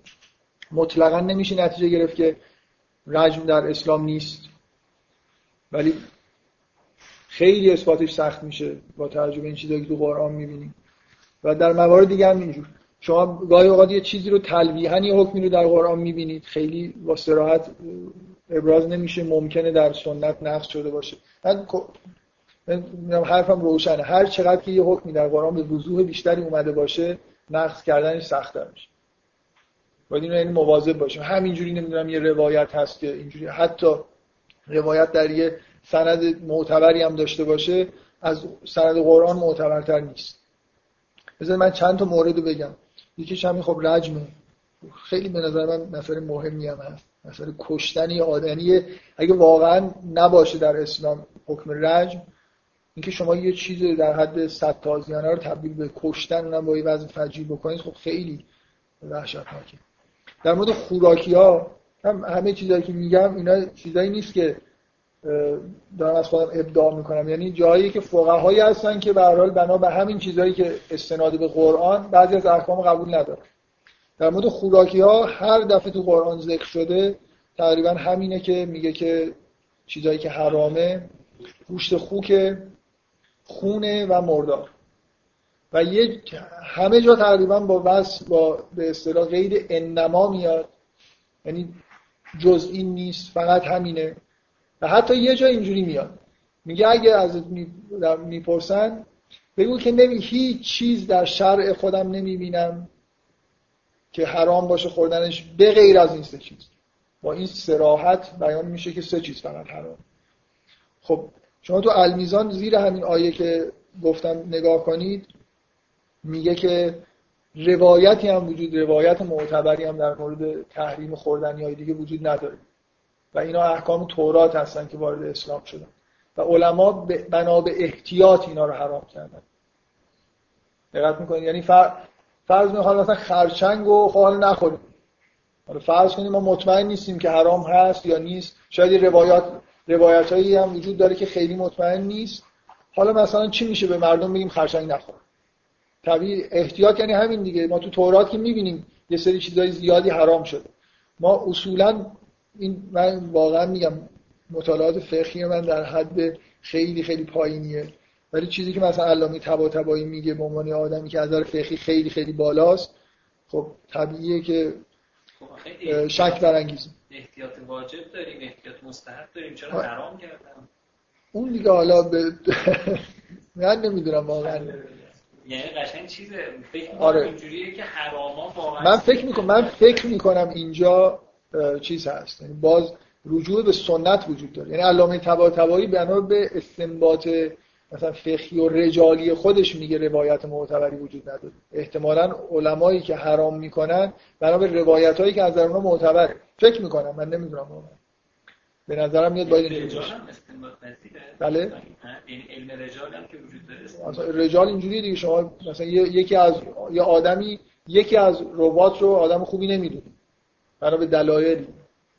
و بعد طبعا هیچ کدوم روایت هایی که اون آدم توش نقش داره تو سلسله رباتش اونو معتبر نمی‌شناسه. ممکنه آدمی دیگه نظرش در مورد آدم فرق کنه. رجال اینجوریه که شما باید این آدمایی که راوی بودن رو بشناسید دیگه. علم خیلی مفصلی خیلی قابل کامپیوترایز شدنه. آره واقعا میشه با برنامه این کار رو خب بعد مثلا احکام حالا یهودی ها می‌تونه وارد مثلا ما ازشون استفاده کنیم. خب این مثلا اصلا مشکل داره چون در خاص واسه یهودی ها. یهودی ها قرآن هم گفته که به خودشون حالا خیلی گیر میدن اینا برای سخت گرفتیم. مثلا مثلا قضیه بله همینجوره خب اصلا تو قرآن با سراحت مثلا فرض کن در قرآن هست که میگه که از یعقوب میگه به میگه به قوم بنی اسرائیل اون چیزهایی رو حرام کردیم که اسرائیل بر خودش حرام کرده. اصولا من من از داره به اصطلاح فلسفه فقه معتقدم که خیلی واضح قرآن بیان می‌کنه که اینجوری نیست که احکام خدا یه چیز استاندارد فیکسی باشه. کاملا بستگی پیغمبر داره. پیغمبر یه شیوه زندگی داره که از در, از در خداوند مورد تاییده یعنی با یه مقدار محدودیت هایی که به اصطلاح پیغمبر برای خودش قائل شده تونسته به بالاترین درجه کمال برسه. آدم های دیگه هم اگر این محدودیت ها رعایت بکنن می‌رسن. محدودیت چیزای ثابت و استانداردی نیست. می‌تونه یه خود فرق کنه ممکنه دقیقا همینجوری اصلا حضرت عیسی در قرآن رسما ازش نقل میشه که اومدم که بعضی از چیزهایی که بر شما حرام شده رو حلال کنم. یعنی اینکه چیز نیستی که برای پیغمبر می‌تونه مثلا شرع لکم من الدین ما وصا بهی مثلا اینکه برای شما یه چیزایی رو چون این آیه رو بعضی اینجوری استنباط می‌کنن که میگی برای شما تشریح کردیم چیزی که به اونا وصیت کردیم این چیزی که به اونا وصیت شده به ما مثلا می‌رسه. در حالی که من از آیه واقعا نمیشه این نتیجه گرفت حالا بگذاریم. نجاست اهل کتاب آیه چیز در موردش بحث کردیم. خوراکی ها همین احکام قرآن چیزی در واقع وجود نداره. مثلا بعضیا میگن که آیایی که توی سوره مائده هست در مورد مثلا حیوانی که خفه شده اینطوری یه چیزایی با جزئیات بیان می‌کنه اونا نسخ این آیاتی هست که میگن سه چیز حرامه خب؟ در حالی که اونا در واقع مثلا دارن انواع مردار رو برای تو معرفی می‌کنن. خفه شده مثلا مردار حساب میشه. نسخ حساب نمیشه. مثلا یه چیزایی که تو همین ستا میگنجن به حیوان خاصی به غیر از خوک دیگه اسمش برده نمیشه که این حرامه که بگیم که اون حکم نسخ شد. بلکه انواع مثلا چیزایی که مردار حساب میشه توی قرآن یه جایی دست داده میشه. نجاست اهل کتاب که خب خیلی از فقها بهش اعتقاد ندارن. ولی بعضیا از همون آیه انما المشرکون نجس این حکم رو سعی می‌کنن استنباط کنن به اضافه یه روایاتی که بهش استناد می‌کنن. مخصوصا نجاست زبائه اهل کتاب. اینا رو محمد علی جعفری کتاب منابع فقه از نظر سند بررسی کرده مخالف با اینه که همچین احکامی وجود دارن تو قرآن که مطلقا نیست. اون انما المشرکون نجس رو علامه جعفری استدلال می‌کنه که نجس در زمان نزول قرآن به معنای فقهی اصلا نبوده. بعدا این معنی رو پیدا کرد. در مورد آیه کتاب خیلی جالب کتابی که خیلی هم از چاپش نمی‌ذاره در مورد جهاد. اینکه اصلا شما تو قرآن چیزی نمی‌بینید که بشه مثلا یه جوازی پیدا کرد که یه کشور اسلامی به یه کشور دیگه همینجوری حمله کنه مسلمانشون بکنه. این خبرها نیست. یعنی شما نمی‌تونید به اهل کتاب حداقل حمله بکنید. اهل کتاب تو قرآن خیلی احترام دارن همش در کنار مسلمان ازشون یاد میشه. مشرکین هم حالا تازه باید معاهده رو بشکنن یه کاری بکنن شما بهشون حمله بکنید. اینجوری نیست. ولی بعدا دیدید که همین کارا رو کردن دیگه. یعنی، حتی احکامش هم نازل شد. احکامش هم یعنی یه جوری بعد از قرن دوم و سوم یه احکامی وجود اومد که میشه به اهل کتاب صلح طلب اصطلاحا به طور ابتدایی حمله کرد. یعنی کشور گشایی کرد. یعنی این حکم رو همه سنی‌ها تقریبا قبول دارن. فقهای شیعه بعضیا مخالف با این حکم همه تقریبا فقهای اهل سنت اینو قبول دارن که مسلمان ها می‌تونن حمله بکنن به یک کشوری که میگن کافر دیگه. ببین اصلا اینکه اهل کتاب کم کم در عرف فقهی کافر حساب شدن و شما می‌تونید به کشور کفار حمله بکنید. اسیر هم بگیرید اینا برده هستن و همه چیزا خیلی خوب برقرار. کتابی که گفتم یه کتابی از آقای صالحی نجف آبادی جهاد در اسلام. نه تنها سعی می‌کنه نشون بده که تو قرآن اصلا این خبرها نیست سعی می‌کنه که آدم خب خیلی چیزیه دیگه به اصطلاح ملاست. سعی می‌کنه بره منشأ این حکم پیدا کنه. کی اولین بار این حکم داد؟ اولین بار شافعی این حکم داده. تا مدت ها حکم نبوده. شافعی هم که داده تا مدت ها شیعیان اصلا قبول نکرد تا قرن مثلا سوم چهارم برای اولین بار فقهای شیعه یه همچین فتوایی دادن. کار به جایی رسیده که این فتوا به وجود اومده که واجب هر سال یه بار جهاد انجام بشه. نخندیدی حکم مشهوریه یعنی الان سنیا تقریبا همشون یه همچین اعتقادی دارن. اگر امکانش باشه یعنی مثلا میگن حاکم اسلام مبسوط ید باشه این روزه گرفتن چطور؟ سالی یه ماه روزه می‌گیرید سالی یه بار باید برید یه جایی رو مثلا بجنگید فتح بکنید کفار رو مثلا بکشید مسلمان بکنید. این جزء احکامیه که سنیا تقریبا همه قبول دارن. شیعیان خب همه هیچ وقت اینجوری نبود که همه فقهای شیعه زیر بار این حکم برن. ولی الان فقهایی در چیز شیعه هستن که قبول دارن.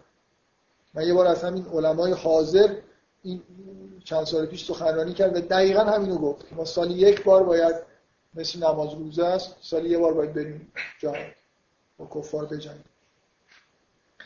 یا مثلا تعدد زوجات. در قرآن هست ولی شما استنباط کراهت می‌کنید ازش. یعنی توصیه اینه که این کار نکنید و نمی‌خوام بگم این حکم تغییر کرده ولی قبول دارید یه جوری چیز شده دیگه تقریبا مستحب شده. و حجاب تو قرآن کاملا به نظر میاد که حالا لاغر تعبیر من اینجوری که بحث کردم حجاب اینجوری نیست که قرار باشه چهره پوشیده بشه. ولی الان فقهایی هستن چه تو اهل سنت چه تو شیعیان که پوشیدن چهره رو مثلا بعضیا فتواش اینه که برای زن شوهردار واجبه روبنده داشته باشه. این از کجا اومده؟ شما وقتی حجاب رو تو قرآن می‌خونید اصلا یه همچین استنباط چیزا اینجوری نمی‌کنید مطلقا.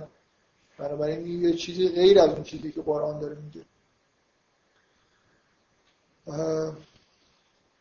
اگه حکم خیلی مهم. ارتداد.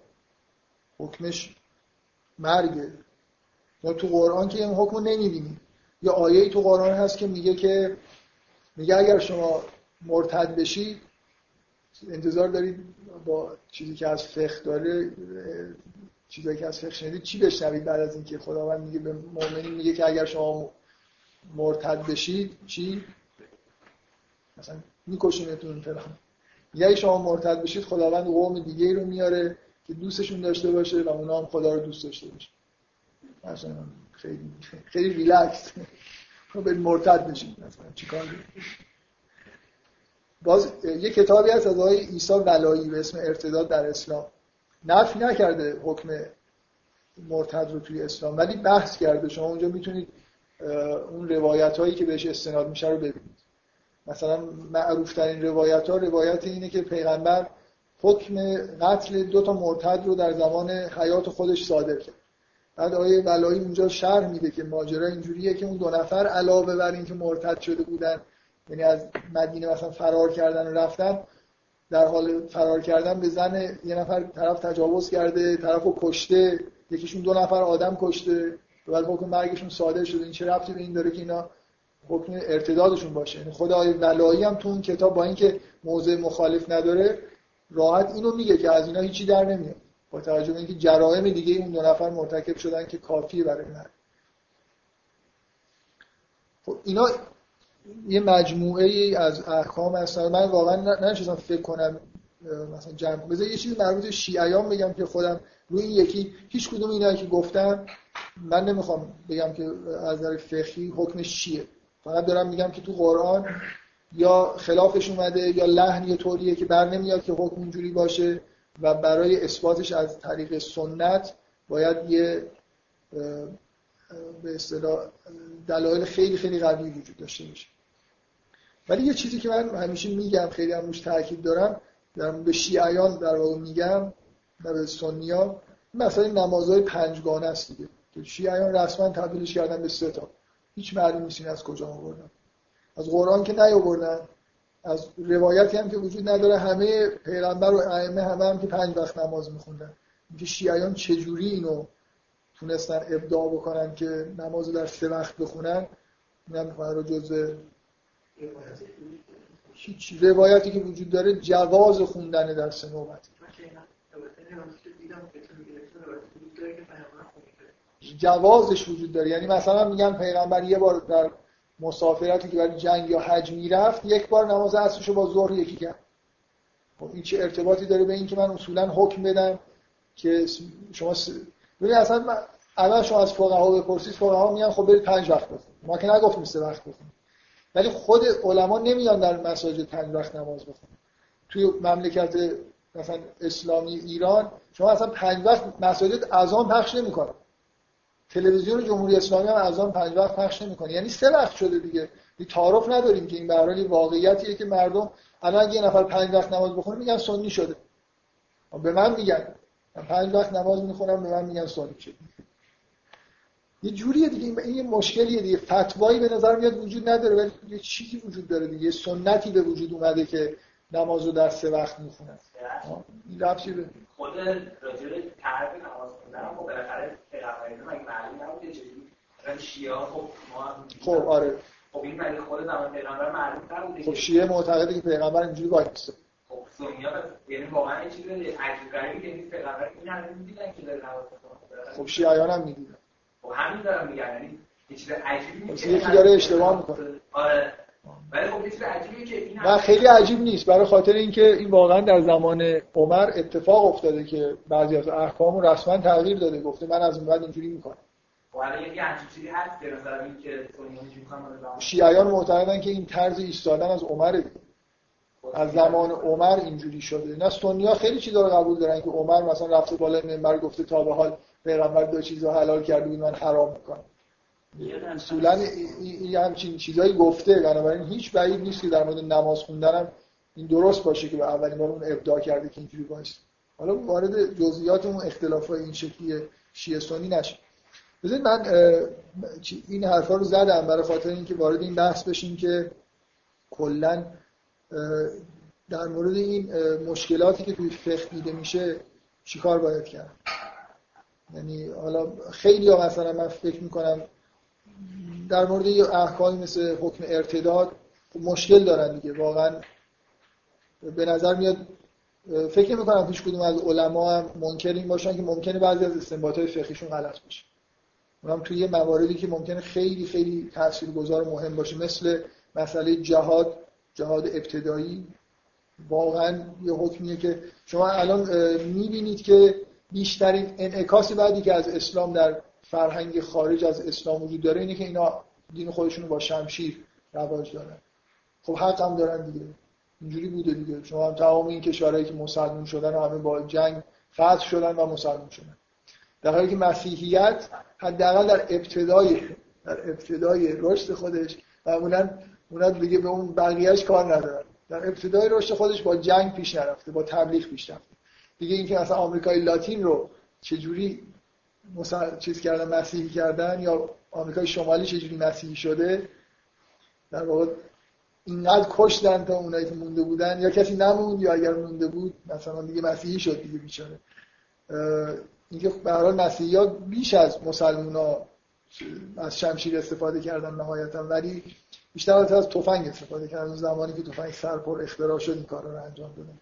ولی به هر حال قبول بکنید که این انعکاس خوبی در خارج از اسلام نداشته. من شخصا نظرم اینه که از همه شواهد و قرانی کتاب جهاد در اسلام بخونید شاید قانع بشید که اصولا این حکم در اسلام نیست. یعنی ما روایات معتبری هم حتی نداریم. اون کتاب نتیجه درس خارج فقه یک تو قوم داده شده. یعنی اینجوری نیست که آدم بی اطلاع از فقه همینجوری. بعضی آخه هیچی نمی‌دونن. من خودم واقعا هیچ ادعایی ندارم در مورد فقه. برای همینم هر چی میگم میگم شاید اینجوری باشه شاید نباشه. در مورد رجم یه نفر باید بره همه کتابای حدیث رو بخونه. اصلا فقه باید بخونه تا بتونه ادعا بکنه مثلا در مورد یه حکم بگی من نظرم اینه. وقتی که احادیث رو نخوندید اصلا با فقه آشنا نیستید می‌تونید همینجوری احساس خودتون رو بیان بکنید. ولی اون کتاب آیه نجف آبادی خب به نظر میاد که کتابی که از نظر فقهی آدمی که به اندازه کافی فقه خونده داره حرف میزن یا کتاب منابع فقه آیه محمد جعفری که مخصوصا یه مقاله خیلی خوب تو کتاب منابع فقه آیه جعفری در مورد موارد مواردی که زکات تعلق می‌گیره که منحصر شده به چهار چیز. که اصلا مطلقا معلوم نیست از کجا اومده. شما قرآنی که می‌خونید زکات چیزی که به مال تعلق می‌گیره. نه به گندم و نمی‌دونم جو و خرما و اینجور چیزا. یعنی هیچ محدودیتی توی تعلق زکات نیست در حالی که توی فقه فقه شیعه تقریبا قاطبه علما فتواشونی که به یه چیزای خاصی زکات تعلق می‌گیره. آقای جعفری تو مقالهشون رو بررسی می‌کنه از نظر فقهی که این از کجا اومده و توی قرآن هم که خب هیچ سابقه ای نداره. خب من این چیزها رو گفتم به عنوان اینکه اولا به نظر من خیلی مهمه که به آیات احکام بیش از اینی که الان توجه میشه توجه بشه. یعنی واقعا چیزایی که مخالف با قرآنه خورده با احتیاط آدم باید برخورد بکنه. من احساس می‌کنم که در این حالی که توی منابع فقه همیشه ذکر میشه که من اول کتاب قرآنه ولی استناد بیشتر به روایات تا به قرآن. یعنی مثلا همین مثلا اینکه رجم تو قرآن نیست انگار کسی رو به شک نمیندازه. فکر می‌کنم اکثریت مطلق علما رجم رو قبول دارن حکمشون. واقعا برای من با این چیزایی که حداقل تا حالا دیدم در مورد نحوه استنباط و حکم رجم خیلی خیلی جای تعجبه خیلی میل دارم یه روز از یه نفر بپرسم این از چه چیز در این حد معتبری هست که اینو قبول کردم. حالا بگذاریم.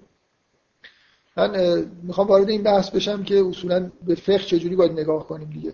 شما مطمئنا فقه اشکالایی داره یعنی از علما هم بپرسید خب میگن یه جایی ممکنه ما استنباط اشتباه کرده باشیم کما اینکه اختلاف زیادی بین علما توی احکام هست. خیلی از حکما رو که الان دارم میگم برای اقلیت یا اکثریتی از علما در شیعه ممکن اون حکم قبول نداشته باشه. در مورد خوراکی مثلا علامه طباطبایی خودش در حد مرجعیت تقلید بوده و جعفری مجتهد مسلم این چی حرف نداره و اینا توسط کسایی بیان شده که کاملا از نظر فقهی معتبرن. حالا من بحثی که می‌خوام بکنم در مورد اینی که ما نگاهمون چجوری باید باشه دیگه؟ چقدر این چیزا اصلا توجه بکنیم؟ و من با سراحت بگم چه چیزی رو می‌خوام نفش بکنم. این احساس یه عده رو که خب مثلا علما انگار آدمایی هستن کار خودشون خوب انجام ندادن احتیاجه که یه آدمی بیاد مثلا یه انقلابی بشه و بیایم احکام مثلا ریوایز بکنیم و دوباره بشینیم از اول همه چیزو من من خیلی می‌خوام با شدت با این موضع مخالفت بکنم. یعنی یه جوری شاید به نظر بیاد که در حمایت از فقه به معنای موجود می‌خوام حرف بزنم. همین فقهی که داریم. ولو اینکه احساس می‌کنم که بعضی از این احکام ممکنه اشتباه باشه. سعی می‌کنم دلیل خودم رو بگم که چرا اینجوری نگاه می‌کنم. اگه توی حوزه برید این حرفا رو بزنید که توی فقه اشتباهی هست من می‌خوام بگم که اونا چجوری نگاه می‌کنن. اینکه علما علمای فقها در طول تاریخ آدمای خیلی خوبی بودن آدمای با تقوایی بودن. و حد اکثر سعیشون کردن که احکام رو درست استنباط بکنن. بنابراین خیلی بعیده که مثلا فرض کنید یه حکمای خیلی حکمای واقعی خیلی با این چیزی که استنباط کردن اختلاف داشته باشه. و خیلی یا پنهانی یا آشکار معتقدن که اصلا فقها معید بودن از طرف مثلا خداوند از طرف معصومین بهشون الهاماتی می‌شده. بنابراین اگه یه اشتباهی توی استنباطاشون بود یه اشتباه بزرگ می‌کردن لابد باید بهشون از یه جایی می‌رسید این مثلا میگم پنهانی ممکنه کسی آشکار این استدلال نکنه. ولی همچین احساسی وجود داره که سلسله فقها سلسله خیلی پاکی بوده از آدمایی که همه زندگیشون رو گذاشتن در راه اینکه احکام واقعی خدا رو استنباط بکنن. بنابراین خیلی این در واقع کجندیشیه که ما بیایم بگیم که اینا اصلا به کل یه چیزایی رو اشتباه گفتن. مثلا احکام تورات رو آوردن جای احکام اسلام غالب کردن این حرفا چون یه عده‌ای کاملا موضعشون در مورد فقه نتیجه این موضعی که روحانیت رو قبول ندارن. فقها رو در طول تاریخ قبول ندارن و معتقدن اینا مثلا وابسته به حکومت ها بودن وابسته به یه فرهنگایی بودن که مثلا بد میفهمیدن. حتی عمدن ممکنه فرزان یه نفر ایدهش این باشه که آره اینا مردم نمی‌خواستن زکات بدن پولدارا میومدن مثلا خلاص پول می‌دادن از یه نفر فتوا می‌گرفتن که آقا هم خرما رو مثلا بدی. یا مثلا خرما نداشت. ثروتش از جای دیگه ای بود از یکی فتوا می‌گرفت که تو خرما خرما رو باید مثلا فقط زکات بدی و با دو چیز دیگه ای که طرف نداره. خب یه دیدگاه کاملا منفی وجود داره. من می‌خوام بگم که منشأ این دیدگاه خیلی مثبت و خیلی منفی دیدگاهی که آدما نسبت به این سلسله فقها دارن. یه عده کاملا اینا رو به عنوان انگار دشمن دین نگاه می‌کنن و یه عده به عنوان هسته مرکزی آدمایی که دین رو حفظ کردن نگه داشتن و فداکاری کردن بعضیشون شهید شدن مثلا. بنابراین دید مثبت اینه که اصلا اینا چون آدمای خوبی بودن اصولا ما نباید اینجوری در واقع فکر بکنیم که خیلی احتمال اشتباه زیادی داره.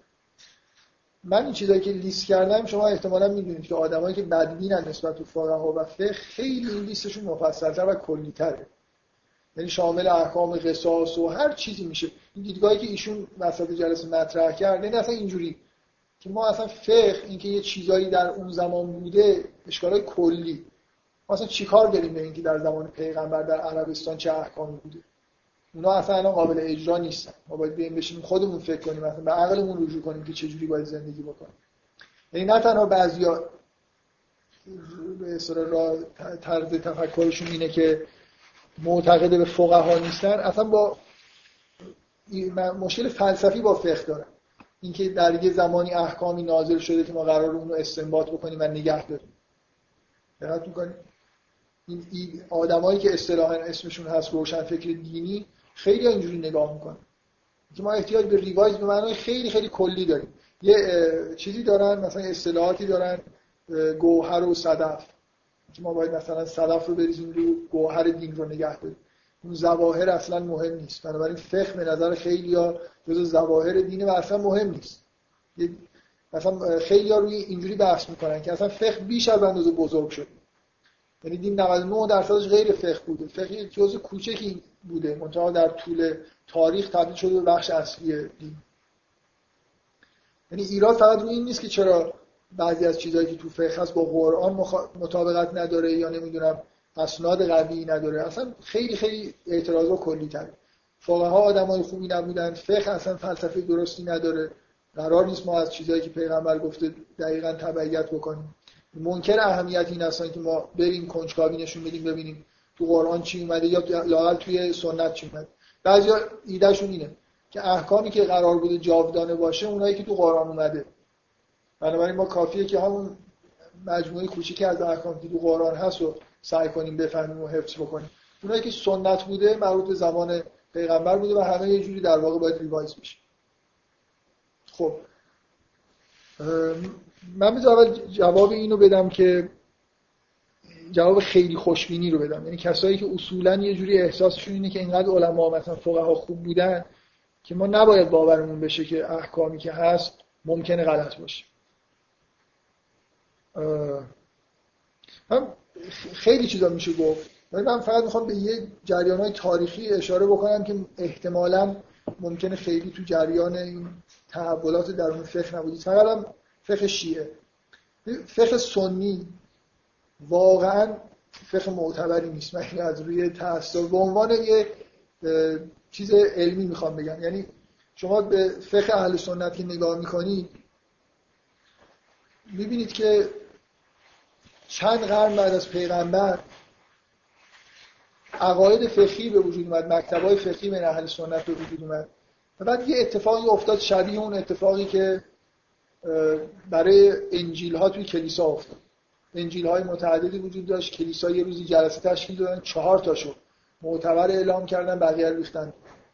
فقه اهل سنت تقریبا اینجوریه. یعنی نهایتا یه جوری انگار توسط یه نیروی موافقی چهار تا از مکاتب فقهی اهل سنت به رسمیت شناخته شدن و بعد بقیه‌اش هم در واقع یه جوری دیگه اصلا فقه دیگه وجود نداره یا در اقلیت مطلق هست اینکه چجوری این اتفاق افتاده؟ اصلا من میگم معتبر نیست.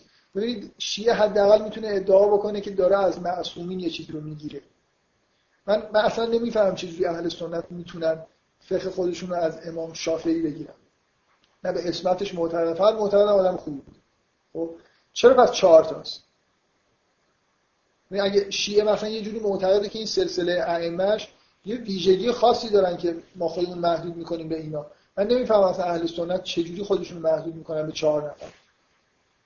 خب این آدم عادی و با تقوایی بودن منم الان میشینم احادیث پیغمبر رو می‌خونم یا های فقهی دارم یه مکتب جدید می‌زنم. این بیشتر شبیه همون ماجرایی که انگار از بالای حکم اومده که همین چهار تاست کسی دیگه هم حق نداره بعد این حرف بزنه. واقعا هم اینجوریه. یعنی این اصلا ادعای دور از ذهنی نیست و خلاف نیست که فقه اهل سنت فقه حکومتیه.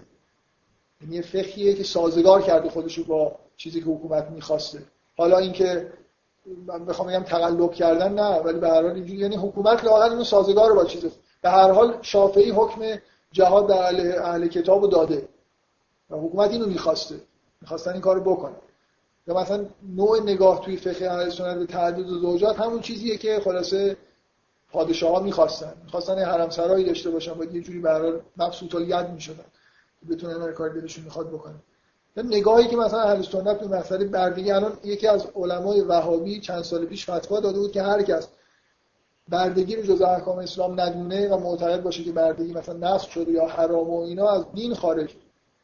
هنوزم که هنوزه یه جوری اعتقاد دارن که حالا بگذاریم. من می‌خوام بگم این فقه اهل سنت در یه روند تاریخی بدون اینکه دلایل عقلی وجود داشته باشه محدود شده به چهار نفر.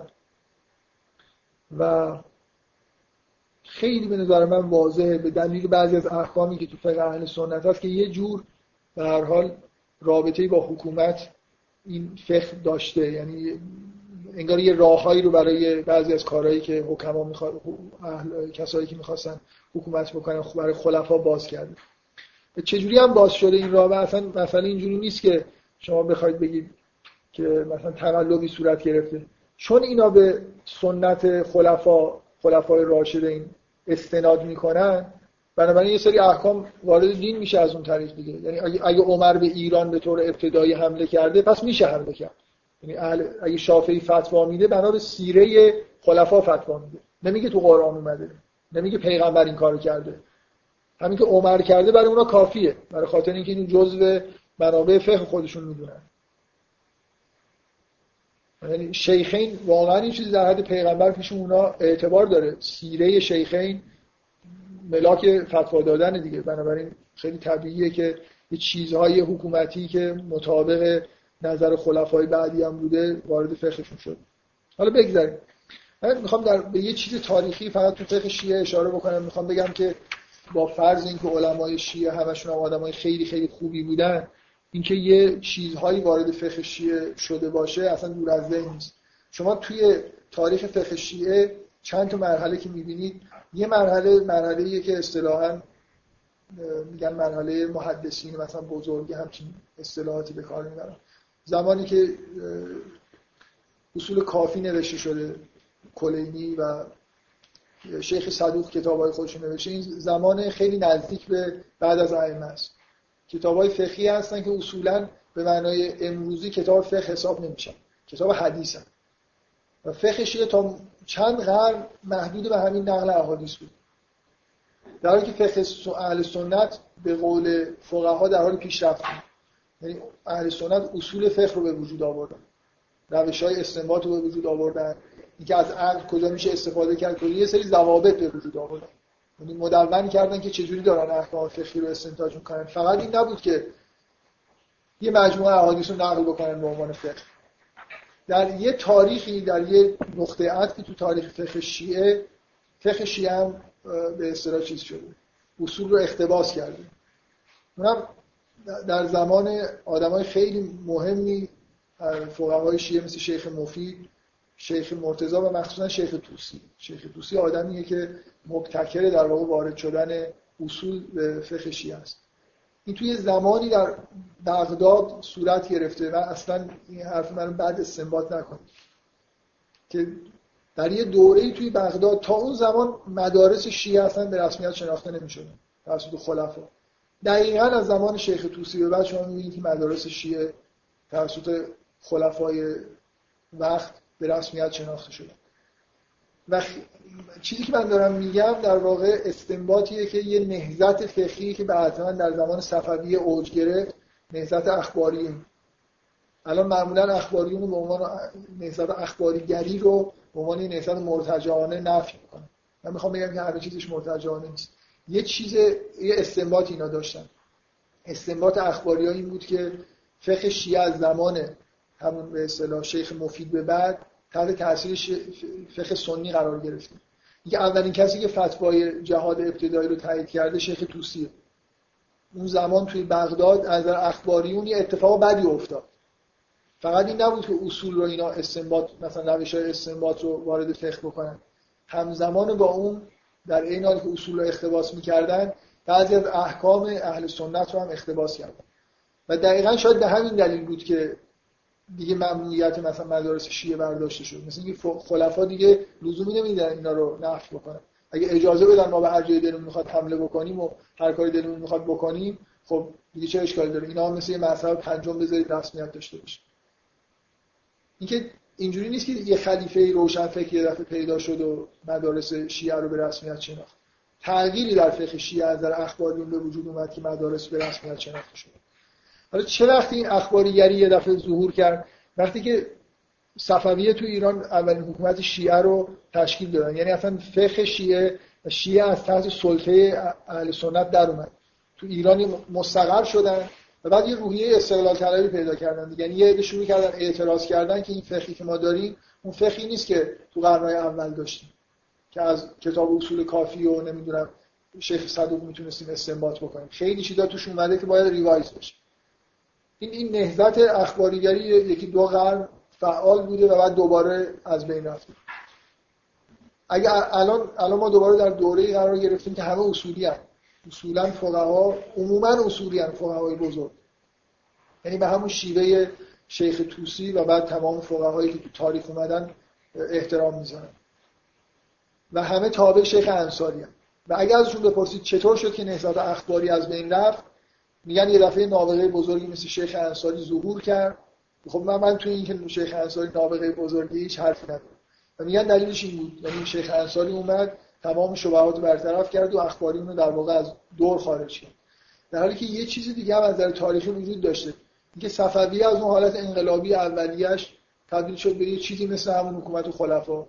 شاید برای حمله کردن به کشور اطراف خودش احتیاج مجوز فقهی داشت. بنابراین بین این دو تا فقه یکی رو ترجیح داد به اون یکی. من اصلا نمی‌خوام اینجا از موضع اخباری یا دفاع بکنم. فقط می‌خوام این نکته رو بگم که اخباری ها اینقدر آدمای پرتی نبودن. به نظر من یه چیزی رو می‌دیدن. اینکه فقه شیعه از یه زمانی یه خورده در واقع تمایلاتی به فقه اهل سنت پیدا کرد.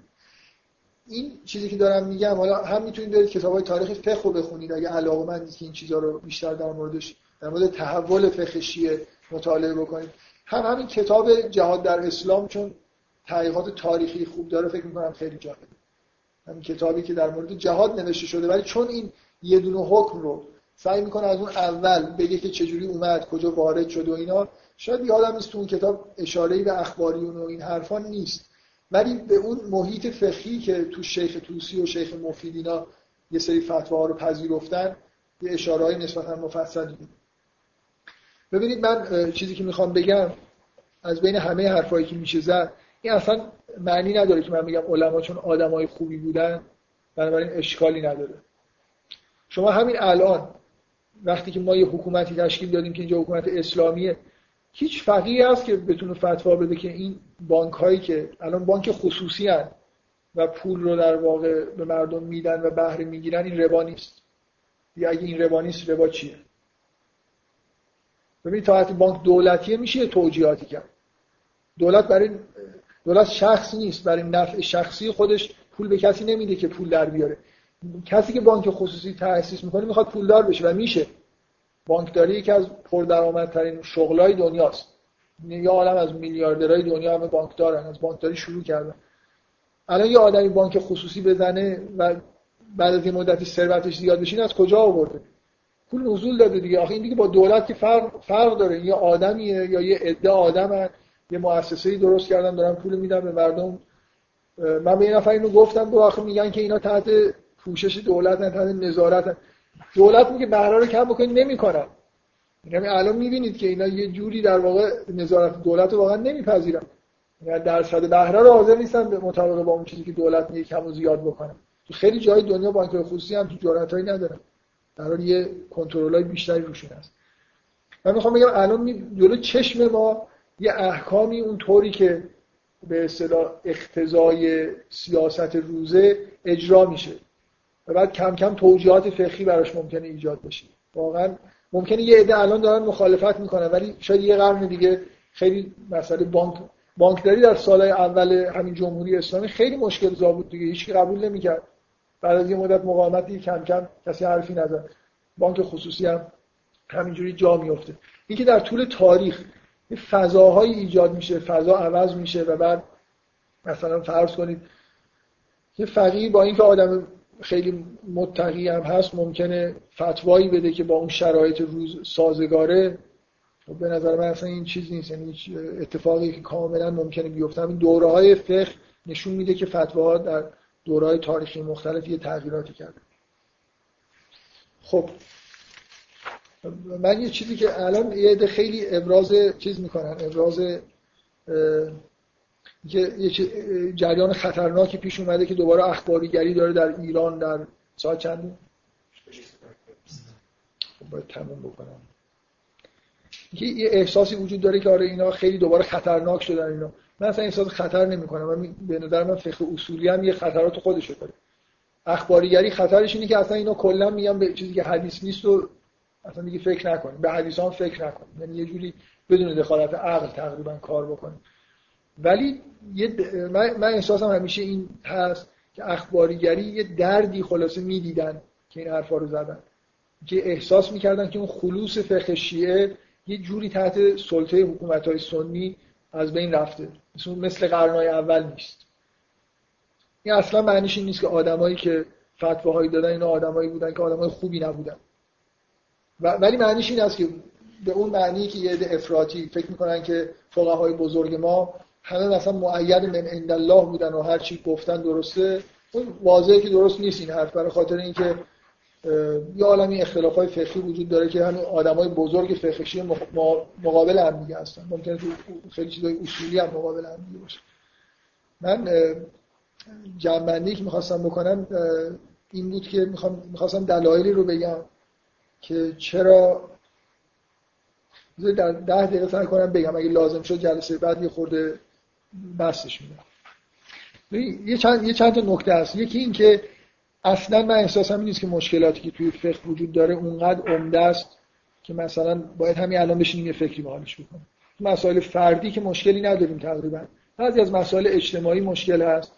یا شاید تنها مسئله که فردی خورده کسی بخواد شک و شبهه بکنه تو مسئله خمس و زکات و چیزاست حالا بیشتر می‌تونه بده دیگه مشکل نداره. یعنی ما گرفتار مثلا یه چیزایی نیستیم که الان زندگیمون رو مختل کرده باشه. بنابراین اصلا من احساسم نیست که باید همین الان همه برن بشینن نمی‌دونم روی این جزئیات که آیا این احکام تو قرآن هست یا نیست. این کاریه که کسایی که متخصصین مثلا اصلا باید انجام بدن. و یه نکته خیلی خیلی مهم اینه که من به شدت مخالف با این هستم که اینجور تیپ مسائل یعنی مشکلات فقهی تو ملای عام مطرح بشه. الان اینجا رو ملای عام حساب نمی کنم که این حرفا رو دارم می‌زنم. برای خاطر این تجربه که من خودم دارم و فکر می‌کنم هر کسی فکر بکنه اصلا مردم از دین بیشتر با همین مسائل فقهی سر و کار دارن. از دین اینو می‌بینن. و کوچکترین تغییری توی احکام فقهی کسی اینا رو به شک بندازه نمی‌تونن. واقعا عموم مردم نمی‌تونن تفکیک قائل بشن که آقا دین یه چیز ثابتی حالا ممکنه یه حکم درست باشه غلط باشه. من همیشه یه لطیفه ای رو بگم و بعد بگم شأن نزول این لطیفه چیه؟ میگن که یه نفر بردن جهنم و دید که یه عده دارن از دیوار جهنم میپرن میرن اونور تو بهشت. و پرسید که اینا کی هن؟ گفت که اینا چیزن. اینا کسایی که قبلا شطرنج بازی کرده بودن محکوم شده بودن به جهنم الان شطرنج رو که حلال کردن اینا دارن میفرستن دوباره بهشت. و اونایی که اونجا وایستادن منتظرن اونا کیان؟ اینا مشروب کن یعنی بعید نیست که به زودی مثلا مشروب هم حلال بشه. این واقعا به نظر من دیدگاه عامه مردم و شما یه شطرنج که حلال شد نبودید اون موقع ببینید چقدر این انعکاس پیدا کرد. که یه چیزی رو تا حالا می‌گفتن حرام حالا گفتن حرام. بنابراین اصلا ساده نیست وقتی شما با توده مردم سر و کار دارید یه چیزی رو عوض بکنید. بعد اینکه اینجوری باشه یکی امروز بیاد در مثلا رادیو تلویزیون اعلام کنه بالای سخنرانی بکنه که آقا فلان حکمی که میگن این نیست. خوردنی ها مثلا برید بخورید. یکی بیاد بگه نه نخورید. می‌دونید اینکه یه مرجعیت به یه معنایی باید وجود داشته باشه که آدما مثلا بگن که علاقه اگه تغییری قرار قرار انجام بشه یه جوری باید معلوم باشه خلاص این تغییرات بشه سمتی داره میره. ولی مردم میگن شطرنج رو حلال کردن خب مشروب هم می‌خوریم لابد فردا میگن مشروب و چیزم بود من, من فکر کنم این جوک مال زمانی بود که اوزون برون حلال شد و شطرنج. این ماهی خاویار حرام بود دیگه. کسی نباید می‌خورد. بعد یه جلسه تشکیل شد و گفتن فلش داره و خلاصه حرام حلال شد. و بعد می‌گفت این جوک درست کرده بودن که یعنی هر چیزی بعد ممکنه جلسه بذارن این چیزی هم حلال کنن من می‌خوام بگم این مسئله مسئله نمی‌دونم فلسفی و علمی و عرفانی نیست که آدم بگه به مردم کار نداشته باشه. تمام مردم یه جوری به فقه مربوطن. بنابراین اصلا اینکه این شک و شبهه رو توی عموم مردم پخش بکنید به نظر من هیچ فایده ای نداره. و این نکته خیلی خیلی مهم این که من همیشه توی بحث همه جور بحث این حرف رو می‌زنم اینجا هم طبعا این حرف رو می‌زنم. شما اگر می‌خواید به یه چیزی ایراد بگیرید الان فقه الان مثلا فرض کنید فقه اصولی به همین معنایی که الان تو حوزه ها تدریس میشه یه علم یک پارچه است یه اصولی داره از اینجا شروع میشه یاد میدن یه کتابهایی داره علم حدیثی هست علم رجالی هست از توش همچین فقهی با یه اختلافاتی که مردم سر رجال و احادیث و اینا ممکنه با هم اختلاف داشته باشن یا در اصول فقه ممکنه اختلاف داشته باشن نتایج فقهای مختلف با هم فرقایی داره اگه من میام میگم که این حکم توی اسلام نیست اون غلطه اون باید عوض بشه حق ندارم این کارو بکنم مگر اینکه خودم هم یه فقه یک پارچه از اول درست کنم. ببین من همیشه این مثال می‌زنم که اینکه مثلا الان یه دانشی وجود داره مکانیک کوانتوم یه ایرادایی داره یه جایش اصلا غلطه. یه انتگرالش بینهایت میشه. کسی حق نداره بیاد بگه آقا اصلا کلا من اینو قبول ندارم و این ایرادا رو ذکر بکنه. چرا مکانیک کوانتوم پا برجاست برای اینکه چیزی در مقابلش وجود نداره. اگه الان شما یه تئوری بیارید همه نتایج مکانیک کوانتوم رو بهتون بده خب باشه مردم اون رو قبول می‌کنن اگه اون ایرادا رو نداشته باشه. شما اگر مخالف با این فقه موجود هستید یه فقه باید بیارید از اول. باید بشینید اصولتون چیه؟ می‌دونی منظورم چیه؟ اینکه من همینجوری بشینم آقا به نظر من این حکم اشتباهه اون یکی اونجاش ایراد داره این مخالف با من به نظر مثلا اینجور عادلانه نیست اینجور بحث کردن. اگه یه نظریه رو من می‌خوام از بین ببرم و بهش ایراد بگیرم باید نظریه خودم رو داشته باشم. باید بگم آقا علت این که این حکم مثلا اینجا به وجود اومده و اشتباهه اینه که اینا به فلان کتاب استناد می‌کنن اون کتاب به این دلایل تاریخی اشتباهه اون یکی کتاب معتبره. بنابراین فقه اینجوری. یعنی من به حرفم اینه که اگه قرار تصحیحی بشه فقه revise بشه یه دفعه باید انجام بشه. آدمایی که می‌خوان revise بکنن کل فقه رو ریوایز بکنن بگن کدوم اصول اشکال داشته که به این نتایج غلط رسیده. کدوم کتابا اشکال داشته. همینجوری من بیام بگم که من فلان حکم عقلم جور در نمیاد نمیشه. بنابراین و بعدم اینکه واقعا من این این نکته نکته یک ممکنه خیلی اختلاف داشته باشم حالا با من. من واقعا احساسم اینه که باید این کار توی حوزه علمی انجام بشه نه در خارج حوزه. نه اینکه چیز عقلی وجود داره امتناع عقلی. من آدمایی که می‌بینم که بیرون جو حوزه هستن و ایراد به فقه می‌گیرن آدمایی که اگر کار دستشون بیفته کل همه چیزو میشورن می‌ذارن که اصلا برای همینم ایراد می‌گیرن. می‌دونی منظورم چیه؟ یعنی این تیپ آدمایی که اصطلاحا روشن فکر دینی هن و هی نمی‌دونم به احکام قصاص ایراد می‌گیرن به حکم ارتداد ایراد می‌گیرن اینا واقعا مشکلشون اینه که می‌خوان یه جوری با غرب با این چیز با وضع فعلی دنیا همه چیز رو هماهنگ بکنن یعنی مثلا احساسشون اینه که احکام قصاص با اعلامیه حقوق بشر سازگار نیست.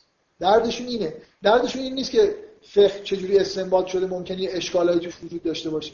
کلا احساسشون اینه که این فقه مثل یه چیزی دست پاگیره دلشون می‌خواد یه آزادی عملایی داشته باشن و این احکام جلوی دست بالشون گرفته. این هی این به اصطلاح ایرادایی که می‌گیرن گاهگداری ممکنه حتی برن تحقیقات تاریخی هم مثلا بکنن. ولی اصلا اهلی نیستن که بیان یه دور فقه به معنای واقعی کلمه ریوایز بکنن. یعنی بیان مثلا علم چه می‌دونم علوم مختلفی که فقه احکام فقهی ازش نتیجه میشه رو بشینن بگن که کجا ایراد داره کجاش دقیقه کجاش دقیق نیست. اصلا اینجوری نیست. اصلا کلا می‌خوام بذارن کنار. من احساسم اینه که یعنی خارج حوزه هر کسی که هست هر مکتبی که وجود داره اینا یه چیزای غیر از این که احکام واقعی چیه رو می‌خوان. مشکلشون واقعا یه چیز دیگه است. مشکلشون اینه که با فضای امروز دنیا مثلا احساس می‌کنن که خیلی احکام سازگار نیست. می‌خوان سازگارش کنن. مسئله سند و مدرک و اینا من الان حرفی که دارم می‌زنم من واقعا نظرم کلا در مورد فقه اینه که به نظرم باید سختگیری بیشتری بشه در به دست آوردن احکام. دقت بیشتر بشه. مثلا من احساسم اینه که الان با این جنبش اینکه همه چیز رو تو حوزه دارن تبدیل به سافت می‌کنن و همه چیز رو الکترونیکی می‌کنن کارهایی میشه انجام داد که شیخ انصاری نمی‌تونست انجام بده. اگر الان شیخ انصاری بود شاید می‌تونه تحقیقاتی انجام بده تو کتب فقهی که اصلا محال بود. شما همه کتابای فقهی رو می‌تونید بریزید توی سی دی امکان سرچ براش بذارید می‌تونید در حسب تاریخ اینا رو مرتب کنید. می‌تونید علم رجال رو به شدت نظم بهش بدید. کاری که آدم ازش بر نمیاد. بنابراین من مثلا اگه از من بپرسید که فقه چه مشکلی داره چی کار باید کرد به نظر من هم چی کارهایی باید باید بریم ببینیم از مثلا از نظر تاریخی این فتوا ها اولین بار کجا ظاهر شدن؟ چقدر دور از مثلا سالهای اول صدر اسلام هستن؟ مثلا این حکم جهاد بر علیه اهل کتاب. این ایزوتسو یه تحقیقاتی داره در مورد اینکه این پدیده که اهل کتاب کم کم رفتن تو دل کفار و مسلمان ها مثلا یه جوری دورشون خطی کشیده شد هر کی بیرونش بود کافر. چون تو قرآن که اینجوری نیست در صدر اسلام هم اینجوری نیست. یعنی مشرک و کافر و اهل کتاب و اینا یه جوری تعریف های دیگه ای دارن. و مسلم و مؤمن و این حرفا. و کم کم اینجوری شد دیگه. ما مسلمونیم هر کی بیرون این حوزه اسلامی کافر. و هنوز هم که هنوز این تاثیر رو شما توی چیز می‌بینید توی فضای فرهنگی ما می‌بینید. من من احساس کلی مینه الان یه ابزارهایی به وجود اومده سخت افزاری که میشه ازش استفاده کرد. یه علومی به وجود اومده مثل زبانشناسی. هیچ وقت فقها امکانی نداشتن که یه, یه چیزی رو بغیر از از طریق تحقیق روی رجال و نمی‌دونم به اصطلاح سند حدیث رد بکنن یا اثبات بکنن. در حالی که الان ابزارهای خیلی خیلی قوی به وجود اومده از دیدگاه زبانشناسی شما می‌تونید بگید که این حدیث غلطه به دلیلی که این واژه از قرن چهارم ابداع شد. یعنی الان زبانشناسی عرب پیشرفت داره می‌کنه به یه جایی می‌رسه. شما می‌دونید این واژه واژه قرن اول و دوم نیست. بنابراین می‌تونید یه تعداد حدیث رو به این دلیل رد بکنید. کارهای الان میشه کرد که قبلا نمی‌شد کرد. من احساسم اینه که باید یه جنبش فقهی اینجوری باشه. و با من احساسم اینه نمی‌خوام اینو به عنوان یه چیزی فکر می‌کنم که هنوزم که هنوز جایی اگه قراری انجام بشه تو همین مکاتب به اصطلاح فقهیه که داریم. تنها آدمایی که من می‌بینم که واقعا یه جوری احساس تعهد می‌کنن که اون چیزی رو که در اسلام بوده رو استخراج بکنن اینا هستن. بقیه یه جوری می‌خوان زیرابی برن. من, من احساسم این حالا اشتباه می‌کنم. هیچ کدوم این آدمای بیرونه به اصطلاح این محیط سنتی رو من ندیدم که دردشون این باشه که واقعا پیغمبر این حرفو زده یا نزده. همه دردشون اینه که می‌خوان از زیر یه احکامی فرار بکنن. کلا من نمی‌خوام بگم جو حوزه خیلی خوبه. حوزه مثلا شما نمی‌تونید برید تو حوزه بگید که شیخ توسی ممکنه اشتباه کرده باشه. واقعا نمی‌تونید بگید. یعنی روی بعضی از علما فقهای اولیه یه تعصب خاصی وجود داره که خوب نیست. ولی حداقل به نظر من اگه قراره یه تحولاتی صورت بگیره اونا فعلا قابل اعتماد ترن. که یه احساس این که دارن یه چیز مقدسی رو مثلا حفظ می‌کنن و دارن. بقیه به نظر من همینجور از روی هوا و هوس می‌خوان یه چیزایی رو با افکار خودشون هماهنگ بکنن. و من کلا واقعا اینو دارم میگم که نسبت به این نسل جدید کسایی که توی حوزه ها و این دانشگاه های بیرون حوزه هستن احساس خوبی دارم. این آدم های جوانی که اتفاقا این نرم افزارها رو تولید می‌کنن. یعنی کاملا ممکنه که بینشون آدمایی پیدا بشن که بتونن یه کارهای خیلی اساسی انجام بدن. با سبکی که در واقع تا حالا وجود داشته. هیچ وقت ببینید هیچ وقت مسائل علمی اینکه الان ما یه فقه داریم. در اثر تلاش چندین قرن آدمایی که واقعا اکثرشون آدمای خیلی متدینی بودن به وجود اومده. نهایت سعیشون کردن که راههای این که احکام خطا به دست بیاد و ببندن.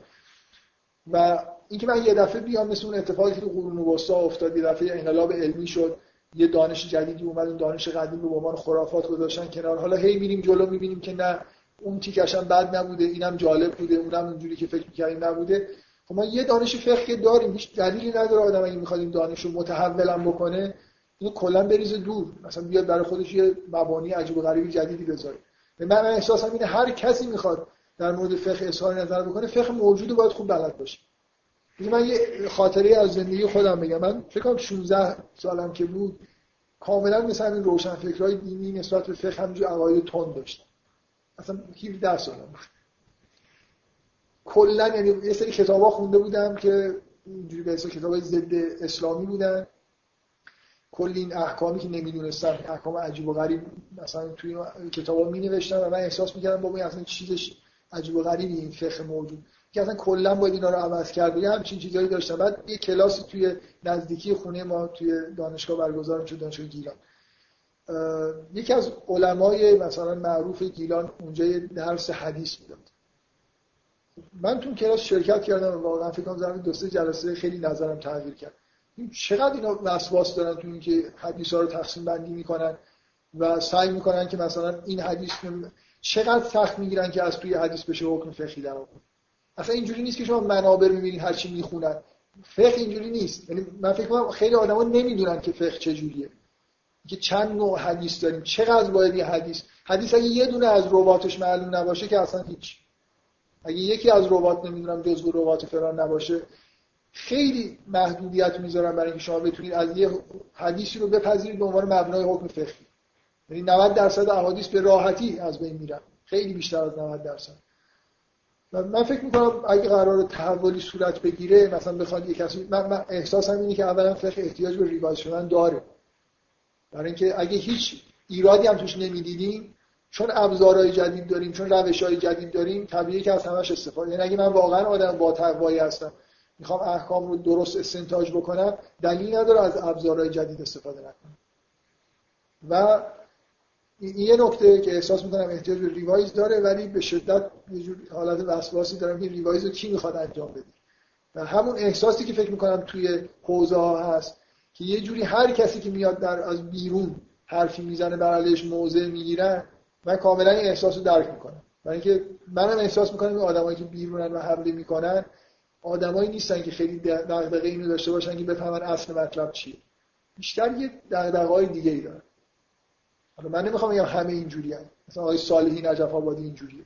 اون آدمی تو همون حوزه داره زندگی می‌کنه دلایل خودشو داره. ولی اینکه آدما یه مطلوبی دارن از فقه. می‌خوان که مثلا با حقوق بشر سازگارش کنن. نمی‌دونم می‌خوان با جو امروز سازگارش بکنن. اینا چیزاییه که من در به نظر من هیچ چیز نداره. هیچ جای فکر کردن نداره که کار درست نیست. حرفم این نیست که کسی بیرون حوزه حرف بزنه باید مثلا محکومش کرد. ولی من احساس می‌کنم کسی بیرون از این نه اینکه حتما باید روحانی باشه. حرف من اینه که به نظر من باید حتما فقه خونده باشه کسی که می‌خواد کاری انجام بده. به اندازه یه فقیه مثلا مجتهد چیز همین علم فقه موجود بلد باشه بعد اگه می‌خواد از نرم استفاده بکنه می‌خواد از یه چیزای دیگه استفاده بکنه با هدف اینکه پالایش بیشتری انجام بده نه اینکه به اهدافی از قبل مشخص شده ای برسه. این آدمو باور کنید آدمایی که بیرون هستن غالبا می‌دونن به چی می‌خوان برسن چیا رو می‌خوان حذف کنن. از یه سری ارقام بعدشون میاد از سری ارقام خوششون میاد. من کلا یه مقدار نسبت به اینجور مسائل چیزا مشکوکم فکر می‌کنم که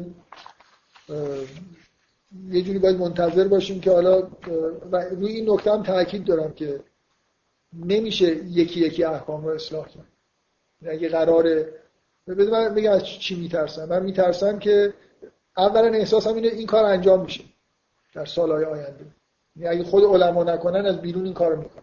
همین نرم افزارا رو برمیدارن و یه علم فقه ریوایز شده میدن بیرون. من احساسم اینه که کاملا این احتمال وجود داره که در اثر این کارا چه تو شیعه چه توی سنی یه نهضت مثل پروتستانتیسم این چیزا به وجود بیاد. یعنی یه اختلاف های کاملا عمده. جامعه مثلا به دو دسته تقسیم بشه. جامعه فقه سنتی جامعه فقه مدرن. و خب اینا خیلی زای... های اجتماعی بزرگتر از اون. اینکه ما دو تا حکم رجم و اینا رو می‌خوام ببینیم هست و نیست به بار میاره. می‌دونید؟ تاکیدم اینه فقه یه چیز اجتماعیه فقه یه چیز علمی نیست که همینجوری من برم راحت در موردش حرف بزنم. بیام انتقاد بکنم بیام یا آدمایی بشینن یه بار سعی بکنن نظر همه علما رو بپرسن و اگه قرار revise بشه یه با تا حد ممکن با نظر با آرای عمومی revise بشه کسایی که متخصص هستن نه اینکه همینجوری یا ادعا آدم یا فقه جدید بدن. و من, من احساسم اینه اگه این کار انجام ندن این تو حوزه انجام نشه دیگران انجام میدن و بعد به همون فاجعه ها منجر میشه. من کلا حسم اینه که این حرفا رو در مورد مشکلات فقه و کارهایی که میشه کرد و باید به آدمایی که فقیه هستن زد نه تو ملای عام الان اینجا ملای عام نبود من گفتم واقعا یه خورده احساس کنم که این حرفا برد داره اصلا وارد این چیزا نمیشه. فکر می‌کنم خوب فقها رو آدم قانع بکنه که یه کارایی انجام بدن. نه اینکه مردم عادی درگیر این بشن که حالا فلان حکم توی احکام هست نیست. خب.